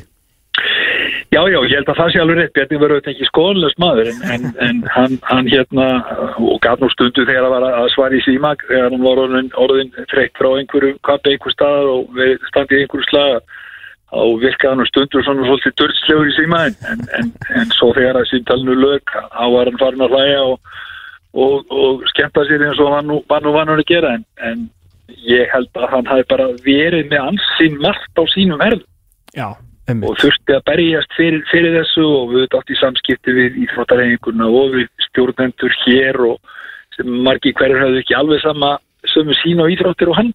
Nei. En þessi snillingur hann, hann var vakin og svo en allan daginn. Ég meina, þú veist, þetta er engin smá ferill og þú gerir ekkert svona af ástriðu, ég meina, byrjar ennska boltanum 1969 og það er síðan einhvern tíman á sko öðrum áratug þessara aldar sem að hann á sinna síðustu lýsingu því að hann sko hættir í útarpunum 2009 en þá getur hann samt ekki hætt og er þá bara með okkur inn í Bjarnabóli í káurstúkunni að lýsa káurleikjónum bara okkur meinasta heimaleik sko. Já, já, það er bara, þetta var bara típisku bjarni og, og ég man nú eftir því öllu þessu, þessu vinnustúsi í kringum voluntíleika þegar að bjarni eh, glemdi einhvern tíman að ná í dóttursinu leikskólan og hún kom bara í, í legubíl eh, einhverjum eh, einhverjum hlugtíma eða eitthvað eftir að leikskólan var eh, formlega lokaðinn. Það var bara til massum áhugan og kraftir í bjarna, hann var bara glemti sig yfir þeim verkefni sem hann, sem hann var í. Þetta, þessa sögur staða nú bara alltaf með brosaður. Hva, hvernig var svona ykkur um og ó þegar að að þið sátu fyrir fram á sjónvarpið kollegar hans uh, 31. desember 1985 að horfa á, á áramöndarsköpið upprennur eitt sögufrægasti skets allra tíma, ég meðan þarna hlýtur að það bara verið stimplaðinn Bjarni Felixson með latta, sko, hann er megastjarna, þetta hlýtur að hafa verið mómentið. Já, já, ég, og ég menna Bjarni var líka bara svo, svo skemmtilegu, sko, ég man eftir því einhvern tíma var hann í, í hérna, í sminki Mm. og það var einhver lítil stúlka með móðu sinni og, og hérna held að Bjarni þetta verið svona einhver, einhver gerfi augnhára Bjarni, hann var nú með stórar miklar öfbrúnir og hann bara spurði hvort hún vildi ekki prófa að tóða þetta er svona lýsir þessum manni, hann var bara einstakur og opáslega ljúfur og góður dreikur Já, já, algjör, algjör góðsök, sko, það er ekki spurning. Herru, Arnar, takk kjærlega fyrir að gefa þér smá tíma til að segja okkur og hérna, fólkinn landinu frá þessari miklu, miklu góðsögn og þetta verður, þetta verður vafa lítið einn stærsta, hérna, útför bara setjum tíma myndum maður halda, þetta er, það verður aðeins margir sem alltaf vilja honum til grafar. Já, ég held að það sé alveg ábyggilegt. Ég bara byrða heilsa ykkur drengi mínum og, og, og við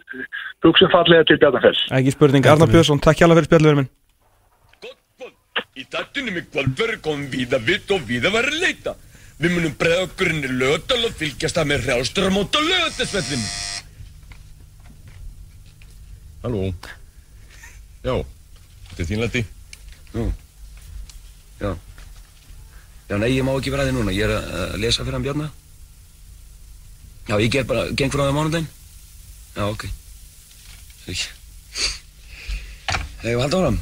Já. Við skulum bara kíkja á Góð skilabóð Þetta er áramótsköpunu 1985 Blessu sem minning Bjarnafel Þvílík, þvílík góðs Því líka ósak Já, það er ótt að, ótt að segja það. Herru, það er ennþá 1-1 eh, í leik Wolves og, og Liverpool. Já, það er stutt í að verða 2-1 því að uh, lærisvina Jörgens Klopps hafa tekið öll völd á múlinu og vellinum og uh, sækja hér stíft á meðan ólotnir reyna að beita skindisóknu með, með ansi veikum mætti, líta vel út núna síðustu 10-20 minnar uh, leikmenn Leopold mm -hmm. Hórum hérna yfir uh, laugadalinn þar sem að klukkan fjögur í dag voru flauta til leiks Helgi Mikael sem að dæmir byggar úslita leikin þar sem að Víkingur og Káa er að fara að mætast. Sækvæmt skoðanakonun á fótballta.net er svona tæplega 70% sem spá því að Víkingar verði enn og aftur byggar eru komin ansi margi dagar, hvað var þetta ekki, 1403 eða eitthvað? Sem að, Ég veit held að það séu 1403 dagar sem að Víkingur hefur verið byggarmestari Já, það er bara ekki amalegt, við höfum á 1404 Já, nokkvæmlega og svo heilt ár til viðbótar 365 daga til, til viðbótar. Hérna, Áhverju vildi samt hérna, Nikola Hansen bara hafa hann í 300 Já, meðan það skrítið, að flýta, flýta Já, við það. fáum þetta aftur náttúrulega bara inn í júli eða eitthvað. Já, já, flýta ég, ég skil það þetta mjög vel. Ætli það sé ekki málið? Jú. Herru, líklega, líklega byrjunalið uh, Mattias Vilhjámsson settur í hægri bakvörð í líklegu byrjunalið Víkings í dag. Já, James Milner, okkar Íslandinga Þetta eitthvað segja? Já, ég hérna, var nú sett einhver mynd hérna, við hafa nú sendt mynd af honum og James Milner saman, ég þó að James Milner sé nú mikill höfðingi þá var nú Mattias Viljánsson svona skur myndalegri verið að segja. En uh, já, hægri bakur með þá vatnamarinn vinstra megin. Það var ekki að, að hérna, já, að- það geti, ég kemur ekki sérstaklega orð nema verið síðan bara frammi og Arnan hafi verið að trolla alltaf sko. Já, já, getur alveg verið að leika sér eitthvað sko.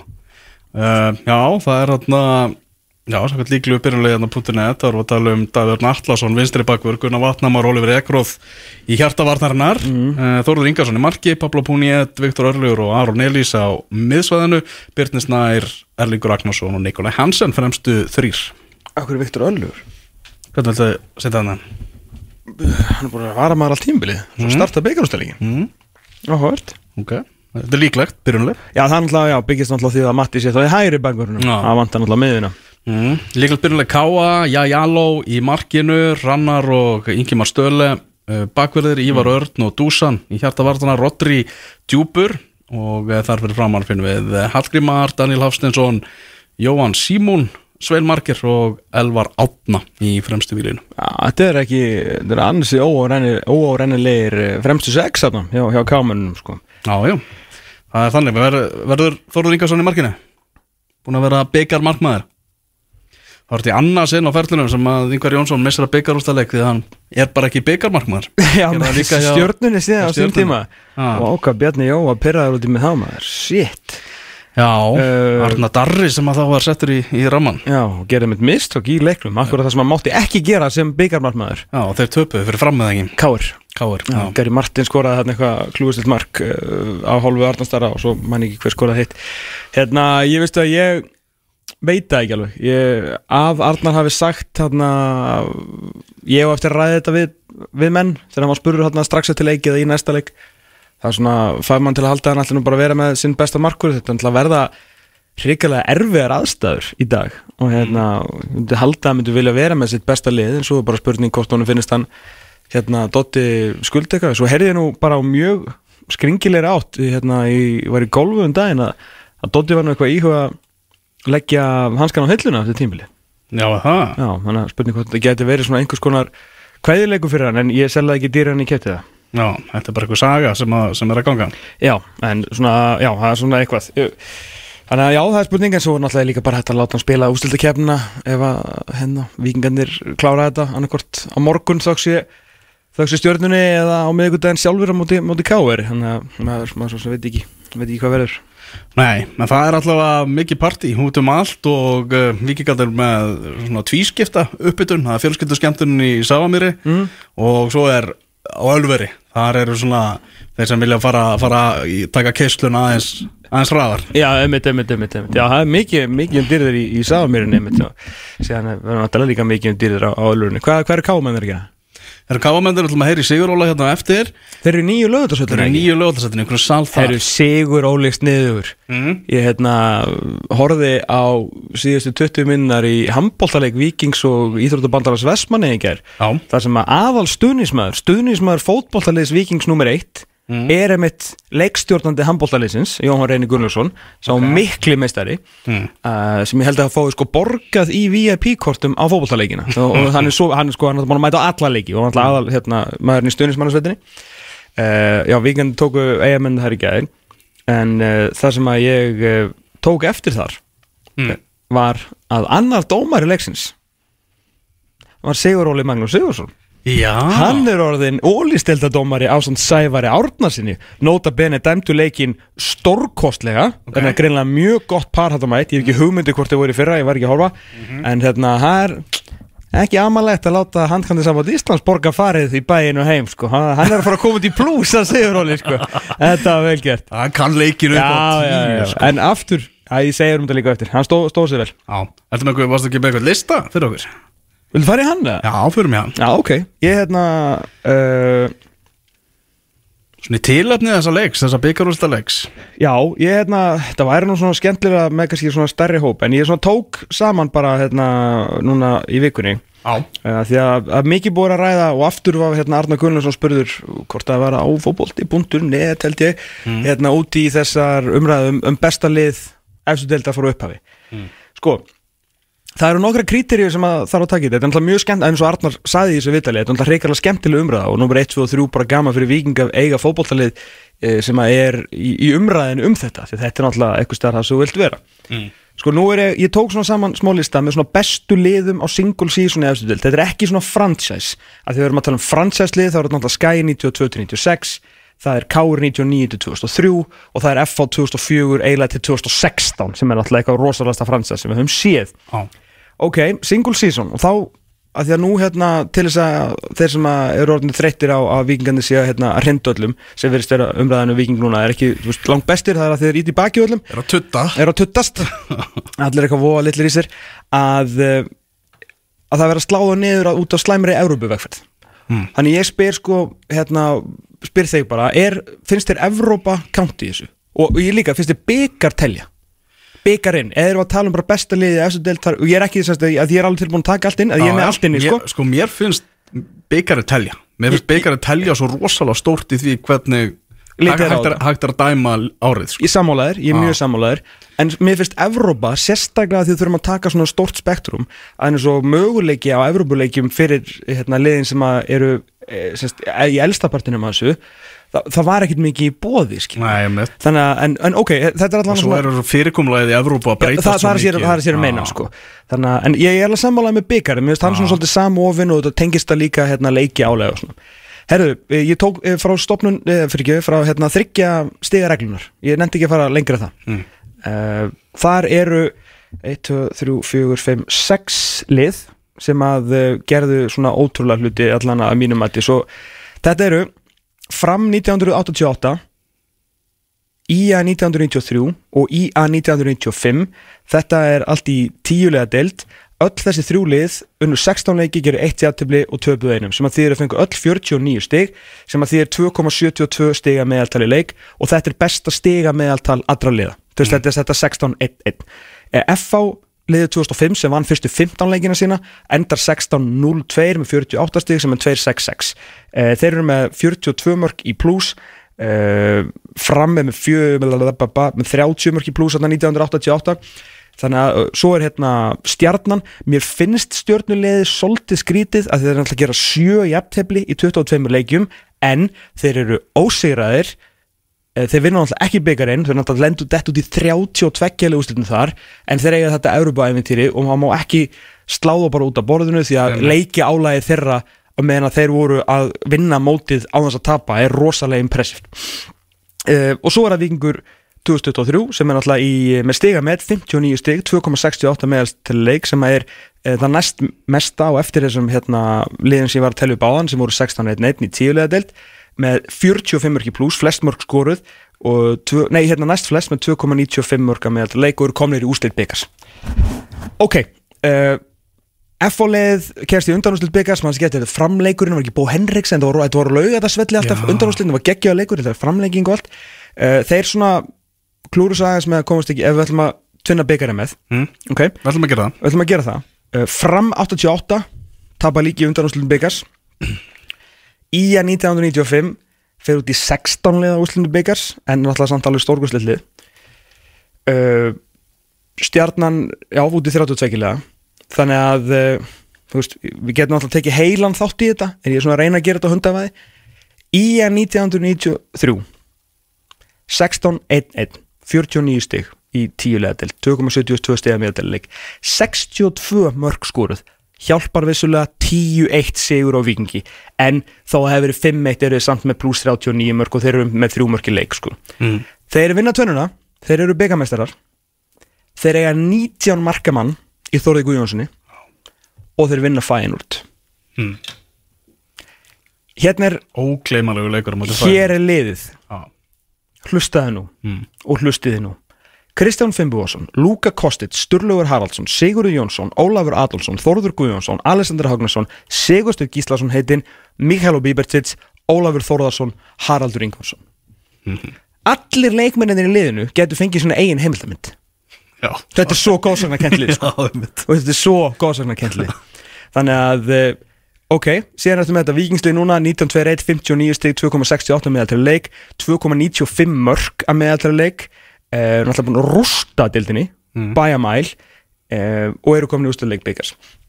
Þannig að í mjög fljótu bræði, ég er alveg til að þú veist fá okkur mann ykkur fleiri, taka þetta á okkur dýftina, fara jafnvel í tveggjastið regluna, mm því að svo náttúrulega hérna, að því nú er ég að tala um single season Já. sko hérna, þetta skagaliði sem hann er að tala um hérna, uh, hann Arnar Gulluðsson var að benda á hérna 83-84, þú veist, þeir náttúrulega vinna tvennuna tvissvar, þú veist, þá, þá eru kannski tala um aðeins lengri periódur, það er náttúrulega geggjuð umræða, en við tölum bara um single season þá ef að vikingu vinnur byggarinn í dag þá held ég að við hljótum að segja annarsæti á eftir í að 93 Já. Þetta er Þessi skagalið 90 þetta er- Svakalegu skagal. Fæ einhvern veginn bara frá Nota, gæsa húða nota bene. Nota bene. Já.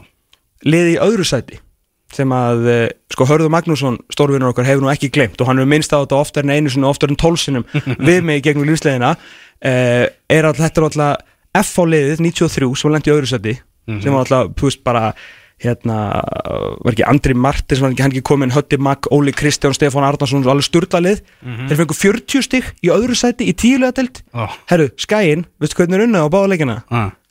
5-0 og 5-0 bara Bara pakka saman. pakka saman sko. Shit sko En Víkistíðan átt að tapa líka bara einum leik af 22 Þannig að það er líka respektabl Þannig að ég, það er Bara erfitt að, horfa, erfitt að horfa fram hjá IE93 Já, en rosalegt vera að koma inn í samanburði þetta lið. Já, það, það, það eitt er sko. bara, þú veist, geggja fyrir félagið. Já, akkurat sko. Er það tíðandi úr Wolves Liverpool, það er Liverpool að komið yfir. Ég var búin að lofa því. Já, Andy Robertson sem að skoraði markið. Nei, Jú. fyrirlegin í dag í svona 200. Premier League leik fyrir Liverpool. Já, það er svoleiðis. Já. Já, upp á það með réttum hætti og hljóparna stúkunni og það var mikið fagnað. Já, geggja, hann var líka í viðtalið með fyrir leik í, í morgunsjóðarpinu á TNT Já, Þannig að hérna Lengsta morgunsjórfi heims. Já, Það er þannig. Lengar í Íslandi bítið á sinn tíma. En eru talandi um Skagan uh, IA getur uh, tryggt sér endurkomu í deild þeirra bestu í bestu deildina í dag. Í loka umferðin í lengjudeildinu og IA með öll spil á hendir að fara að mæta gróttu á heimavelli á Skaganum og, og við erum komnir í beint samband við uppbytununa á Akranesi. Þar er okkar maður Sverrir Mar Smárasson og Sverrir það heyrist að það er að gleði. Það er óvinnum mikið gleði með að það er klukkan er 13 á 18 heldur betur, heldur betur. Við erum með hérna uh, K.R. Lettindi, Arthur Inga á gítatum Já, Já, og skagalegtsendið já og svo, og svo er það líka þetta Vestló Lettindi kannski einna helst Já, já, já, og Vikings og KR og ég ekki hvað og hvað. Mikið legend já, en uh, jú, bara gríðarstemming og Húlarandi voru að setja hennar þrjú eitt Jú, jú. þetta allt í beinni hjá okkur. Og veit ekki, Harfi Elliot að setja hann þrjú eitt hjá jú, jú, jú, jú. Herðu, hérna, Sverrir Þið eruð Já. allt í einu eftir að hafa verið með hérna buksarnar og hælunum í byrjun móts eru þið með allt í ykkar hendi 90 mínútur frá eftir deilt búin að snúa tímumbilinu við og rúmlega það. Er einhver séns og öðru en þið vinnið svona 6-0 í dag uh, já, og ekki nema uh, það farið þá bara 3-0 Já, ég segi það, það getur það verið já, já Uh, ég, mér langar bara til að spyrja ykkur hvort að þetta væri með þeim stærri svona afreikum í, í sögu allavega fótballtans í Íslandi. Nei, það er ekki það. Næsta spurning? Nei, ok. Þeir eru 11 stigum á eftir og, og gæti svo enda með 60 fórskoti eftir daginn í dag. Ég, þetta er 17 stiga sveifla. Já, en málið er sko að afturhelding af svo rosalega slæman það þátt í þessu sko. Það er gallið við þetta sko. En þetta er reikalega vel gert, það verður ekki tekið. Þetta er ótrúlega vel. Hva, hvað breytist verður? Uh, ég, það er rosalega erfitt að setja fingur á það sjálfsög en uh, mér fannst það bara þegar að komið smá taktur í þetta að, að þá fundu sérstaklega ungu strákarnir meiri trú, þetta var erfitt í, í byrjun það sem að, til að byrja á þessum erfið að leika mútið Grindavík, það sem að pressan er á, á í að mörgum Mhm, leiti einmitt. komandi niður deilt og, og falla harkalega þar. Og það tók svona nokkra leiki að, finna takt og svo hefur þetta bara verið mjög solid eftir það. Hvernig er veðrið upp á skaga núna fyrir þennan, þennan leika á, á eftir? Herri, það er umulegt Það er umurlegt Já. við, sjá, við sjáum ekki upp á skaga allavega hérna úr stúdíónu Það er alveg góðir 15 metrar á sekundu á annar markið og grenjandi rigning. Úf, það er með svipa og þróttur og afturheldingar að fara nákvæmlega í það sama hérna sko. Já, þetta, þetta gæti litið betur út á þessum degi en uh, það er vel mætt á skamunum allavega í fansónið og sjáum hvort það mæti ekki ennþá fleiri út á völl og þetta verður heldur gaman Hver er búin að vera besti leikmaður í að í sumar? Hver verður valinn bestur á, á logofi félagsins? uh, Það er erfitt að líta fram hjá Viktor Jóns Á, mjög erfitt Mjög, mjög erfitt en uh, þeir hafa líka verið mjög góðir uh, Linus Steinar Þorsteins ég verða að fá að nefna Arnars Márasson sem að hafa allir átt bara stórgótt tímabil. Jóhannes Wall þeir dóldi undir radarinn í hafsendinu. Mér finnst hann búin að vera frábær. Mm og hérna ég get eiginlega ekki sagt að hver, hver var valinn. Það er væntalega að því að þetta eru svona hinn almenni gómur aðalega sem er að velja og, og þeir hann ekki yfirleitt í mörkin. Já Já, á- átján marka maður. Og við finnum þriðja skipti sem hann er að klukka svona, hann er með, hvað hann er með átján 19 og, nei hann er með 19, 18 og 22 og feið vandalega í 20 í dag myndum maður halda sko. Já, ég, ég myndi nú halda það sko. sko ég var að horfa hérna á skagaliði hlaupin í höllahítu en gróttuliði fer út á völl. Já. Þetta er svona þetta er, þetta er sérstakt.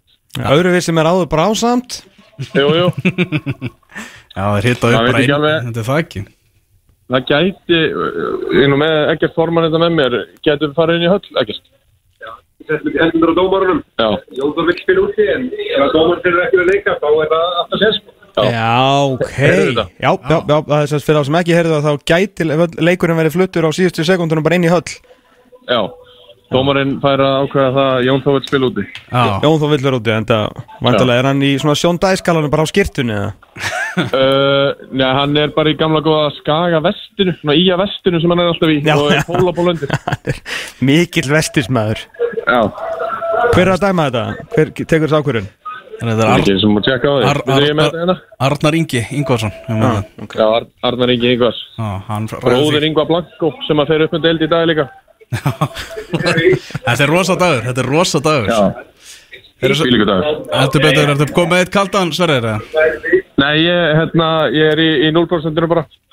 Já, og bara stiltur ég, ég er þar, en ég er í stemmingunni. Ég er stemmingsmaður. Já, hvernig er IA TV vantilega með, með allt á hreinu að fara að sí- sína, lýsa sínum mönnum upp með deildæki?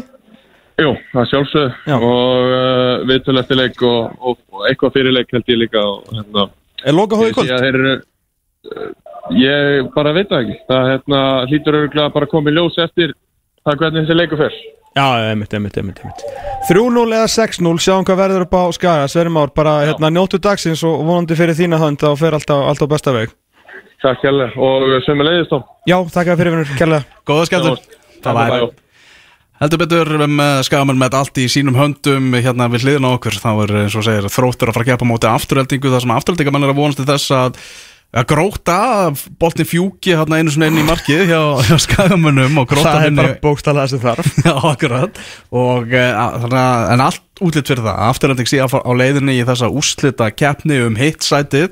Og svo að það sé sagt fyrir Gjálvar að þá dugar sem sagt afturreldingu þessi þryggjastæðu sveifla því að þeir eiga markatöluna. Já, einmitt. Þannig að ef að það er eh, gróttu sigur og afturhaldinga sigur þá er það afturhalding sem hyrðir efstasætið mm Mhm. liðið sem endar í öðru sæti mjög líklega afturhalding er að fara að mæta leikni sem er að vinna ægi núna 5-0 í leik sem að skiptir engum máli Nei. uh, í uh, undarúslitum og fyrir undarúslitleikurinn er bara strax á miðvíkudaginn Það er það er bara að spila miðvíkudag, sunnudag Áttu heimaleiki útileik fyrst, er það byrjar í berðaltinu og endar í Mósóða? Já. Ok. byrjar í breiðaldinu 16.30 á miðvíkudaginn Ha, okkur hátegisleikur? það er ekki flóðljós og við grasvöll leiknismanna og hinleikurinn er við reglum vestra og fjölnis og það er náttúrulega líka grasvellir þannig að það er, það er ekki flóðljós þar þannig að báðileikinu vera 16.30 á miðvíkudag Ok. þannig að eh, við maður gera bara þetta fyrir vinnunni eða skólanum og, algjörlega. mæta þessa svakalegu leiki leiðin að 50 miljóna króna leiknum sem Mhm. að verður síðan haldin hér á, á lögadagsvellinum Hvurnar heldur þú? Uh, ég myndi segja að það væri sem bara vikuna eftir Vikuna eftir, já. Er, hvernig er, er undanhansleika? Miðvikudagur? Miðvikudagur, sunnudagur og svo kemur úrslitaleikur á lögadeg Geggjað. Já. Geggjað. 50 miljón konar leikur en laugadaginn þá eftir tvær vikur. Já, Ok. þannig að þetta er Þetta er mikið, mikið partí og ég held að sáleikur verður síndu beinta á stöð 2 sport Ég held að séu viðræður í loka, á loka stíð með þann Frábært. Það er- Fjölnir og vestri mætast, get, þau geta ekki haft eh, sætaskipti því að þó að vestri og fjölnir vinni þá er fjölnir með e, svo ríkulega markatölu á þannig að úsluðakeppnin er klár ef við reiknum með því að skæin gangi frá sínu. Skæin það eru þetta bara eitt stig í Mhm. rókinu á Flórida skæðanum í, í dag. Einmitt, svo er það fallbaráttan. Og- Hún er svakaleg. Hún er svakaleg, það sem að Selfoss er í fallsæti sem stendur með jafnmörg stig og uh, þróttur og njarðvík. Mm, Vestu markatöluna af þeim þreymur Svo Þór hann einu stíi á undan. Þannig að Þórsar eru ennþá í fallættu en það þarf alltaf að ganga á afturfótunum. Hinliðin öll þrjú þurfa að ná í eitthvað úr- úr sínu leikjum og Þóra að tapa fyrir Grindavík. Já. Þannig að eh, Njarvík á fjölni úti á fjölni Mhm. náttúrulega getur verið í hlutleysum.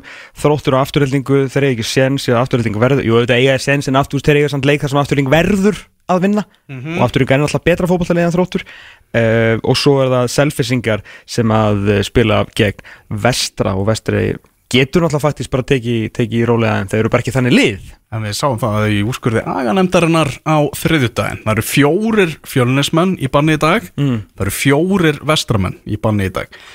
mm. Þessi liður náttúrulega bara öryggi úrslutakefnina. menn að fá sér takt í spjöld Menn að fá sér taktík spjöld, reynsa borði til að vera bara, bara kátir og klárir í úrslutakefnina. I like Á meðan liðan svo afturölding getur ekki gert það og uh, Rasmus Kristjansson er í banni hjá þeim í dag en þá ein- einhverjir á hættusvæði líka hjá þeim og ef þeir fara inn í undanúslitin á hættusvæði og fá þá gullt í öðrum hvorum leiknum Mm. þá eru þeir í banni í úslitaleiknum því eins og ég segi það er spilað miðvíkudag og sunnudag Mm. úrskurður aganendar á þriðjudeg mm. Þannig að þá ef þú ert á hættusvæði í undanúslitum að fara gullt hvort sem það er í fyrir að En setja ætti leiknum. ekki guðluspjöldin að reynsast fyrir úslakefna? það er engin, engar reglur sem að Nei, setja ég nú þarna. bara er að pæla sko. Já, það er kannski óseint að setja það reglur núna. Já, aftur, ég er að pæla bara, veist, eins og fyrir næsta tímbil eða eitthvað. Þannig að viljum við ekki hafa, já. Ég segja að þyrfti allavega að hafa auka fund úr aganemdarinnar milli undanúsleitana Já finnst alveg fárulegt að þú sért komið fjórða gula spjaldið þetta í fyrirleiknum spila setnileikin en þetta í banni á lögðarsveitin Emmitt, emmitt, emmitt, emmitt Já, það er rétt. Já, þannig að þetta er, þetta er svona ímislegt og það líka, veist, ég hitti stundum svona þróttar í gær sem var bara skítrættur í þetta að bara Selfoss væri að fara að vinna vestra því að vestri væri að fara að mæta bara með svona eitthvað bjelið að hugsa um úslutakjarnina hjá sér. Emmitt og á sama tíma væri fjölnir bara að fara að mæta með bjelið á móti Njarvík Já. sko. Þau eru að fara í töluvert þægilegri verkefni heldur en að þróttur nokk tíman í dag. Já, það er þannig.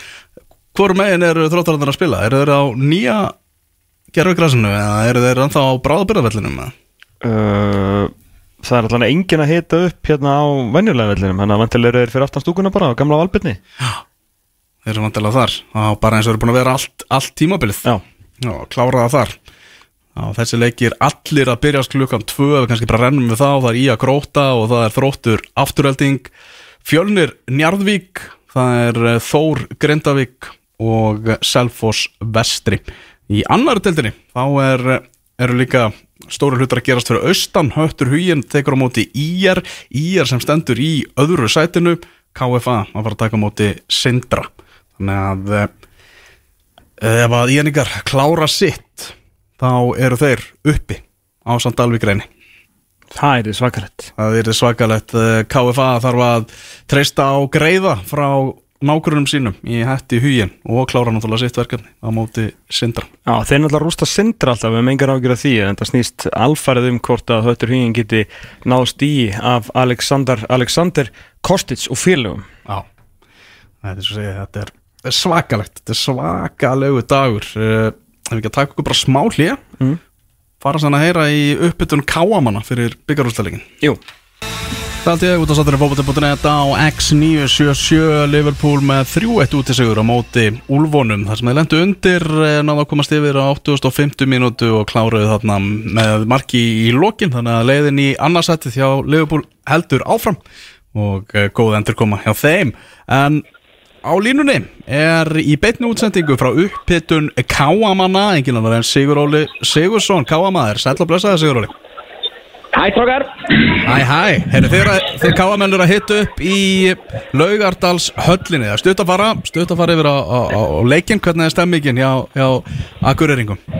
Herru, hún er bara geggjuð. Hér er alltaf fyllast af, af gulum og bláum káamönnum. Uh, mjög vel mætt hjá okkar fólki og bara allir rosalega spenntir. Já Þarna, hvernig er mætingin frá okkur? Hvað er þið búin að selja marga með það? Er við með einhverjum 1500 miðum? Mm -hmm. Við vorum, það var markmiðið okkar að vera hann í kringum 1500, 2000 hefði náttúrulega verið frábært. Já. En, en þetta er náttúrulega bara, uh, einstakur viðbörur, þannig að við erum mjög ánægð með mætinguna á nóðan eins og ég sagði á Twitter í morgun, því akkurrengun er bara beðum að slökka eftir því hann kemur.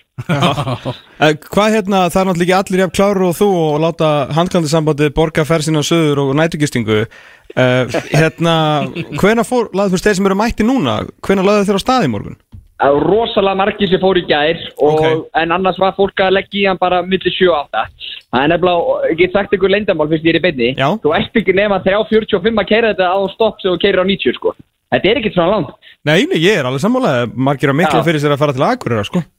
Já, þetta er nefnilega ekki svo langt. Þannig að okkar fólk var bara að leggja stað millir 7 og 8 allir búin að koma við á Halla og BK og fá sér kjúkling og eru svo að koma hingað í uppbytununa Ok, og hvað hérna, já er náttúrulega, hvað, hvað er að dasgráni? Hvað hérna, hvað geta káamenn sem er að hlusta núna en af einhverjum óskiljalögum ástæðum eða ekki með það, vikur ekki það búist? Herru, við erum bara, sko, í fyrsta lagi þannig að það verður uppbytun okkar styrlu. Við erum með skemmtilögtu Jóna landsins, þeir eru margir en þeir eru tveir góður hjá kámanum, Jón og Jón. Þeir ætla að taka og keira upp gamla svona vini sakka káa stemmingu. Síðan verður St. Pete sem að tekur og flyttur lægi sem að var droppað í gær, svona byggarlag káamanna. Góðu bandir í því lægi, svo förum við marsurinnir á völlum þrjú. Og í, í, í drauma heimi þá lyftum við dollum sex, keirum beint norður í partí. Já, og það er planið að, hérna, ef að allt fyrir á besta veg fyrir, hérna, Akureyringa að, strauja heim og, og tjama þar. Já, Já, næs Það er, það, er svona, hérna, uppskrift að góðum degi, þá endum við í partí í káaheimilinu fram á nótt. Já, einmitt, einmitt, einmitt. Það hljómar huggulega. Þannig að hvernig er svona þín tilfinning fyrir, fyrir þessu leik? Það sem að eða bara allir hlutlausir er að spá ykkur tapi í leiknum í dag? Herru, mín tilfinning er góð að sjálfsög, ég væri ekki að vinna það sem ég er að vinna ef, ef að mín tilfinning væri ekki góð og, og sönn. en við erum að spila mót fyrir sennilega einu besta fótbolltalið í Íslands söguna, þeir eru ekkert eðlilega djettur og góður yngandir. Þannig að við gerum okkur grein fyrir að við erum underdogs en, en þetta er 90 mítra fótbollta 11 mot 11 við byrjum inn á vellinum og, og þetta getur allt gert. Já, nákvæmlega og ég var svona að skoða káa síðuna það er, það er ljóst að það er þokkaleg bjart síni í, í Já, ég held það og, og bara fólk einhvern veginn trúir að sé komið að þessu, þetta er fjórði byggarásleikurinn okkar á- í sögunni. Og þeir hafa farið misvel. Antoni Karl Gregori fór ítla með okkur 92 Stín Martin kallinn klikkaði víti 2001 og svo voru bara léleira mútið keflaði 2004 en nú er komið að þessu. Og, og, og það er komið tími til að endurskrifa söguna og setja eitt byggarmeistaratitil hliðin á Íslandsmeistaratitlinu manni í byggarskapin upp í KML Nákvæmlega, það verður svona ákveðið verkefni að vera bara meðal áhorfenda í þessum leik í, í dag svona út af veðurkvöðin er ekki alveg að leika við okkur í þessu. Nei, og það er nefnilega svo skemmtilegt, sko, oft uh, talaðum um að litlu liðin að það sé betra fyrir þau að erfa aðstæðu sér erfiðar. Þetta hendar okkur mjög illa því að það er alltaf sól og blíða fyrir norðan, þannig að við kunnum ekkert að þetta. Þá sagði Siguróli sem mér fannst svo fyndið. Já, þetta er, þetta er alvöru, alvöru partí hana en náttúrulega eins og segir að, má ég að segja það svolítið að, að tímabilið hjá okkur sé svolítið undir í, í dag Já, já, ég tek alveg undir það, ég skal alveg vera heiðalög með það að- Ok. að það ræðist mikið á því núna hvort að byggarinn komið norður eða ekki, hvernig við lítum á þetta tíðanbíl í, í sögunni, sko. Þetta er náttúrulega búið að vera mikið álag og, og, og margir að gera ákveðna hluti í sísta skipti, við sem félag bara fara svona langt í Európa-keppni og annað mm -hmm.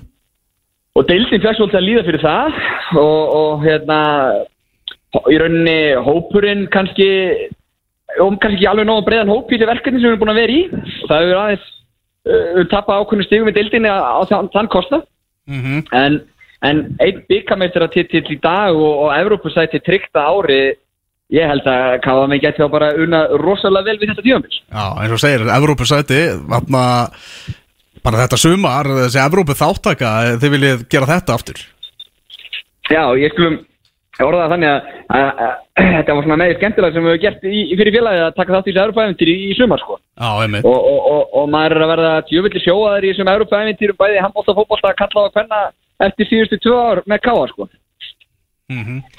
Þannig að þetta, þetta er búið að vera ros- rosalega skemmtilegt og ég held að þetta sé bara komið tími að káa toppi sig þarna, ná titil og, og já, getið fagnað vel í kvöld.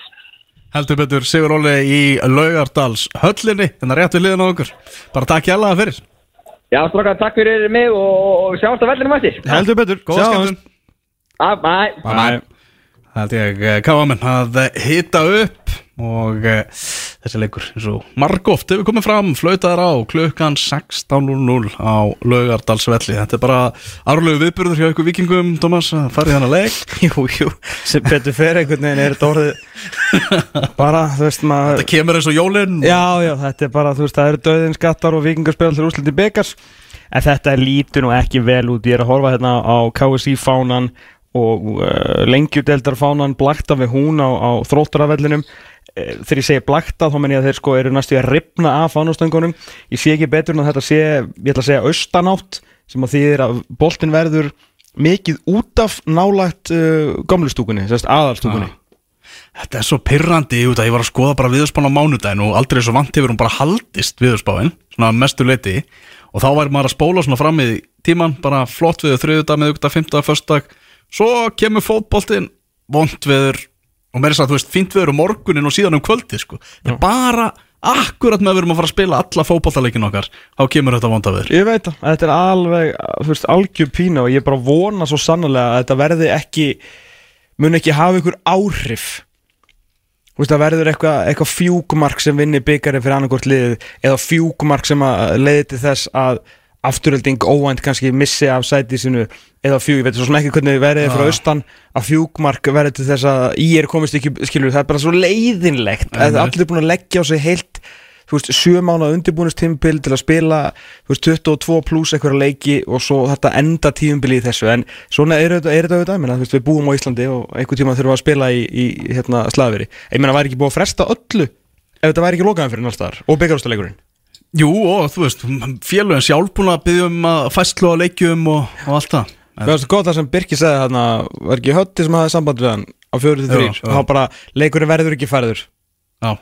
bara það, nei, nei það er ekki séns hún verið frestað verður ekki færður, glemdu því Já, þannig að vikingur er að fara úslutakefnir að byrja morgun Mhm. eða ekki bestildinni Jó. Já, og vikingur á náttúrulega leik, þá leik frestað þar ekki káir þannig að þeir spila lögut á miðvikudag og svo næstu helgi þannig að það bara er einhver sem hefur meiri áhuggjur á þessu veðri í dag heldur en við þá, það er líklega Birgir Svensson sko. Já, það er þannig. Já, eins og segir, þá er uh, úslitakefni tvískeftingin að byrja, fara að staða á morgun í, í bestu deildinni leik Breiðabliks og FH sem átti nú bara að vera í gangi núna.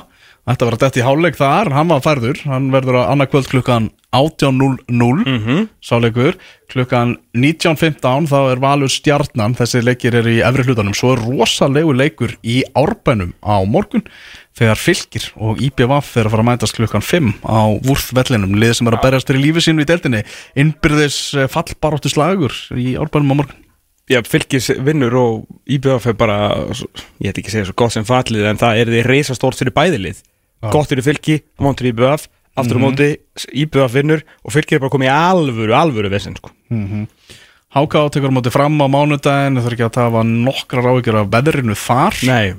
Og svo á miðvíkudaginn verður Víkingur K.R. og K.A. Liðin sem er að fara að keppa í byggarústunum er að fara að spila á miðvíkudaginn og, uh, svo er náttúrulega 50 kvöldið klukkan 19 á Bloomfield Stadium er að fara að mætast Maccabi Tel Aviv og Breiðablík Sambastildin er að fara er komið að þessu. Á 50 daginn, þá er fyrsti leikur blika í riðlakjarninni Já, þegar ég sá að hérna, þetta hefur farið svona svo litið hljótt en það verið landsleikja frí og svona vantalega ímislegt í ykkur að pæla en svo sá ég á veraldavefnum í gær að blikarnir eru að hjóla í pakkaferð til Gent. Já, ok. Já, þannig að þeir eru að safna stuðnismönnum með sér til Belgíu þá í útileik nummið tvö. Þannig að það er hérna uh, verður gaman fyrir blikarnir að geta að ferðast með sínu liði í þessa, í þessa, í þessa sögulegu fótballtalíki Já, farið á eina ljómandi fínu síðu blikar.is og fáið nánar upplýsingar um þessa, þessa hópferð til, til Belgíu. Uh, Ég var nú að hlusta á uh, Exit í, í gær, eins og ger alltaf, hlusta alltaf á Exit. Og uh, þar var Albert Brynjar með, með gula spjaldið. Uh, Þar var hann að tala um Davíð Ingvarsson að uh, Valur og Káar sé að horfa lungunar augum til þessa bakvarðar breyðablík sem að hefur nú ekki átt fast sæti í liði breyðablíks á, á þessu tímabili. Já, uh, rétt ánum fyrir mig það þá þættinum hefur borist bref uh, reyndar ekki, veist, þættinum bara, bara screenshot af te textalýsingu fótbolti.net uh, staðfest hefur verið að uh, leikur Íþjóttabandala Sakarnes og Gróttu verður utan þeirra Hann verður utan þeirra? Já, það er búið að staðfesta okay.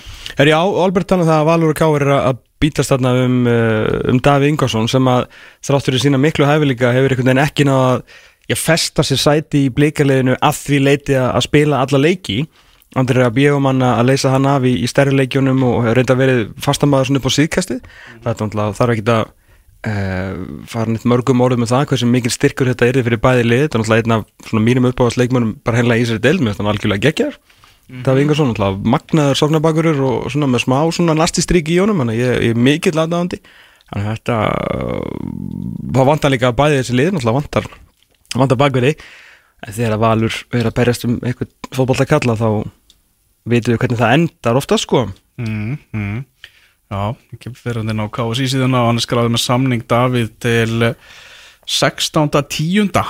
2023 Nú hann hefði með að bara tala við hann núna Já, það, hann, á, hann á bara Já, bara tvo mánuð eftir af, af samningi Já, hann var náttúrulega að reyna að koma sér út hvort það var fyrir þetta síðust, fyrir þessa eða síðustu reytíð og var vist ekki svona sáttu með að hann hafði ekki fengið að uh, taka það skref eins og ég heyrði það á þeim tíma. Þannig að ég myndi giska á að það erði áfram hans svona helsti draumur en að koma einhver, komast eitthvað út þótt að það væri ekki nema í jafnvel ykkur að betild uh, heldur en að vera að fara í, í Örubró á, á sín tíma. Þannig að en ef að það hefnast ekki þá myndi maður svona giska á að hann kemist að dæði valsliði Já. Ég myndi enda, enda í val þegar allan eiga töluvert meira á milli handana heldur en nokkuð tíman uh, káir mm Svo, já, unnur umræða sem var sem það ekki er var að tala um ákvörðun fylgismanna og bara hvað Rúna Páll er alltaf slakur á markanum mm. einhvern veginn vildi ekki í staðis að vera að kaupa bara einhvern þráttur að hafa fengið peninga í kassan fyrir Óskar Borgþórsson. Að uh, það bara fannst greinlega ekki rétti maðurinn í árbænum til að koma í hans stað en þetta er alveg, þú veist, þannig að bara horfast í augu við það að það verður talað um þetta ef að fylgir fyrir niður Já, já, algjörlega, en ég meina þú veist það er eigamenn er að gera akkurat hitt að ná bara í einhverja til þess að fylla upp í, fylla upp í lið og við sjáum að það kannski hefur ekkert skilað sérstaklega miklu en, en já, maður kannski hefði vilja sjá á allavega ná sér í einn einn leikmann svo bara hefði getað komið í ljós hversu miklu hann hefði skilað. Í verstafallega hefði hann þá bara setið á bekknum fyrst þér fengur náttúrulega einhvern penning og það kostar ekki það mikið að fá leikmann í 2-3 mánuði. Skilaði kannski annað og ætlar að fara að verja þessum 25 miljónum sem við fengum fyrir Óskar Borgþórsson í, í, í leikmann yfir heila, heila leiktíð. En þú hlýtur ekki að nýtt eitthvað þessu til að styrkja hópin aðeins fyrir, fyrir loka sprettin og þetta er náttúrulega bara veist, hæð sem hann þá þá að deyja á en þeir ef að fylgja fyrir niður þá er ekki að fara niður af því þeir fengur sér ekki í nýjan fótboltakatti í júligluganum, það er alveg klart mál. Mm -hmm. Já, nú að gerast. Klára, annar að klárast svona hægt og rólega næstu vikurnar íslenski fótboltinn. Það er úrslitaleikurinn í fótbolti.net byggarnum stýttist það, undar úrslitin eftir viku og, og úrslitin uh, lögðaðin þar á eftir. Þannig að það er ímislegt að gerast. Aðeins í ennska boltan bara, hvað er að gerast um, um helgina, hvað er að gerast núna klukkan 2 Herruð, það er uh, mikið að stórlegum að fara að spila núna. Aðalegurinn á, á Simin Sport er við erum Manchester United og Brighton. Uh, United þarf heldur betur að fara að gera þessi í bróka, manna Brighton er á ansi góðri vegferð þessa dagana. Tottenham, Sheffield United Fulham Luton og Aston Villa Crystal Palace og Manchester City er líka núna klúan 2 Já, Sjónarby Símans. Í Sjónarby Símans síðdegisleikurinn er viðurreik Newcastle og Brentford mjög áhugaverður síðdegisleikur á morgun Mhm. Bournemouth Chelsea og Everton Arsenal sem gengur reyndar bölvanlega á Goodison Park Arsenal-mönnum. Þannig að það geti orðið svolítið áhugaveruleikur Everton að fá nýja eigendur, hann er kannski horfur eitthvað til aðeins betri vegar þar? Já, ég var að lesa greina á Guardian þetta er þessi 777 samsteipa þarna Já. bandaríska. Er búin að vera með puttana í ansi mörgum félögum núna síðustu ár. Eiga náttúrulega hluti í einhverjum átta liðum. Já, en Meðal annars Genova Já, en vonduverðin er það er að það hefur ekki verið auðsjánuleg bæting hjá neinu af þessum félögum eftir að þeir hafi komist í, í þeirra hendur Úps. En bara ég verðin að það að gera eitthvað. Já, þeir þurfa allan að Já, þeir þurfa allan aðleikunnin að losa sig undan þessu FFP-dæmi sem þeir eru eru fastir í, að ekki hefur þetta farið nógu vel á stað hjá, hjá Sjón Dæs og, og læri sennum hann, sko. Já, mikil dramatík náttúrulega kringum Manchester United og Jadon Sancho og, og Erik Den Haag og, og allt það. Já. og Erik Den Haag talaði um það að fréttum hann að fundi gæra þegar hann tók við þessu liði þá hefði meðal þess sem að sagt var við hann þú verður að koma aga á þennan leikmannahóp. Sagði það að það væri bara víða pottu brotin þegar hann tók við þegar koma svona já bara hvernig menn voru að hegða sér í liðinu.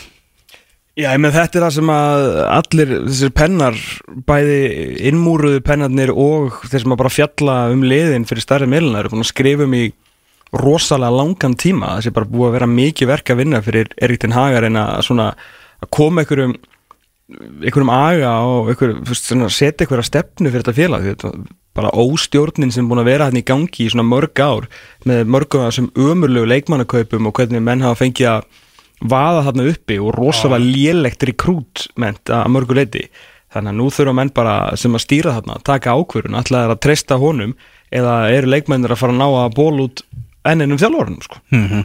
Þetta er bara stór ákvörun sem þú þarft að, þarft að ákvæði, menn að Jadon Sancho er þetta er 75 miljónar punda fjárfesting og drengurinn hefur gert anskotan ekki neitt. Nei.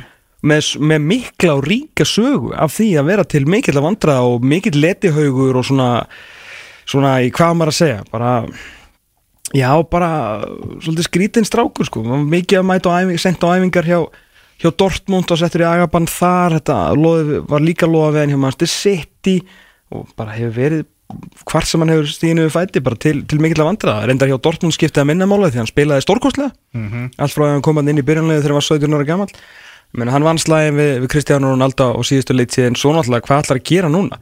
Antoni er í, í straffi út af hérna, meintu kynferðisbroti. Mhm. þú ert með Jadon Sancho og fær ekki að æfa með liðinu lengur og mögulega og líklega myndi segja, bara búin að spila sin síðasta leik fyrir, hérna, fyrir liðið þannig að veist, nú er allt í hennu verið þannig ekki eins og með fókbaltalið Rafael var annáttúrulega meittur eins og alltaf Já. þú mættum með Harry Maguire sem að þú veist þetta, mér leiði eins og að hann væri Pepsi-deltaleikmaður eða bestu-deltaleikmaður þegar mammas var mætt á samfélagsmiðla Já. þetta er íslenskast að segja séð Mhm. að mamma kemur bara á Twitter eða hvað sem hann var og er að hérna, verja sinn mann Mhm. þannig að það er væga sagt allt einhvern veginn í mólum þessa stundina hjá United sem er mjög skrítið með að við hvernig gekk á síðustu liti byggar í húsi og meistaradeltarsæti en svo einhvern veginn fór, Sumaklukkin einhvern veginn bara Já, gekk, virkaði ekki. Virkaði ekki. Nei, allt, skrítið, skrítið. allt bara einhvern veginn í, í rugl og, og þeir að fara að mæta Brighton sem á hinbóin er einhvern veginn þannig að því bara fleiri kalla sem þeir selja því betri verða. Já, já, sem er ótrúlega alveg gjössamlega fáralegt þetta er fáralegt Herru, er Ferguson með það? Ef hann? Já, hann mittist held ég eitthvað í hérna landsleikja fríinu, hvernig er einmitt bara United liðið, eitthvað það, hún hann að Dalot Lindelof, Martínez, Sergio Reguilón, United komið þangað að ná í þriðja bakverðin frá Tottenham Mhm. Casemiro, McTominay sem að þið voru hann að losa sig við, hann er komin í byrjanlið Fernandes Eriksen Rashford og Rasmus Højlund byrjar sin fyrsta leik fyrir United. Ah, það er nú kannski eitthvað svona til að skemmta fólki United mönnum. Uh, nei, Danny Welbeck er frammi Evan Ferguson er á, á bekknum. Mhm. Danny Welbeck leði línuna. Mhm. Nú að gerast uh, allt bullandi í fótbolta í allan dag fullt af leikjum sem er að byrja núna klukkan 2 og það er sannkvölduð yfirvinna og allir kallaður upp á dekk uh, hjá fótbolta.net og textalýsingar bara gjössalega út um allt. Hverjir er að dæma alltaf þessa leiki? Svo alls konar kallar að, að, að dæma. Já. það er, það er þannig. Það þarf að finna upp ykkur að vera í það. Og já, þannig að þetta er þetta er alveg bara bilað sko. Maður verður einhvern veginn alveg búin á því held ég í kvöld eftir hennan svaka fótballdag sko. Já. Herðu, ég heldur fyrir maður að slá á botnin í þetta. Njóti fótboltadagsins, kæri hlustundir og við verum hér svo aftur eftir 6 og 22 tíma, þanga til, verðið sæl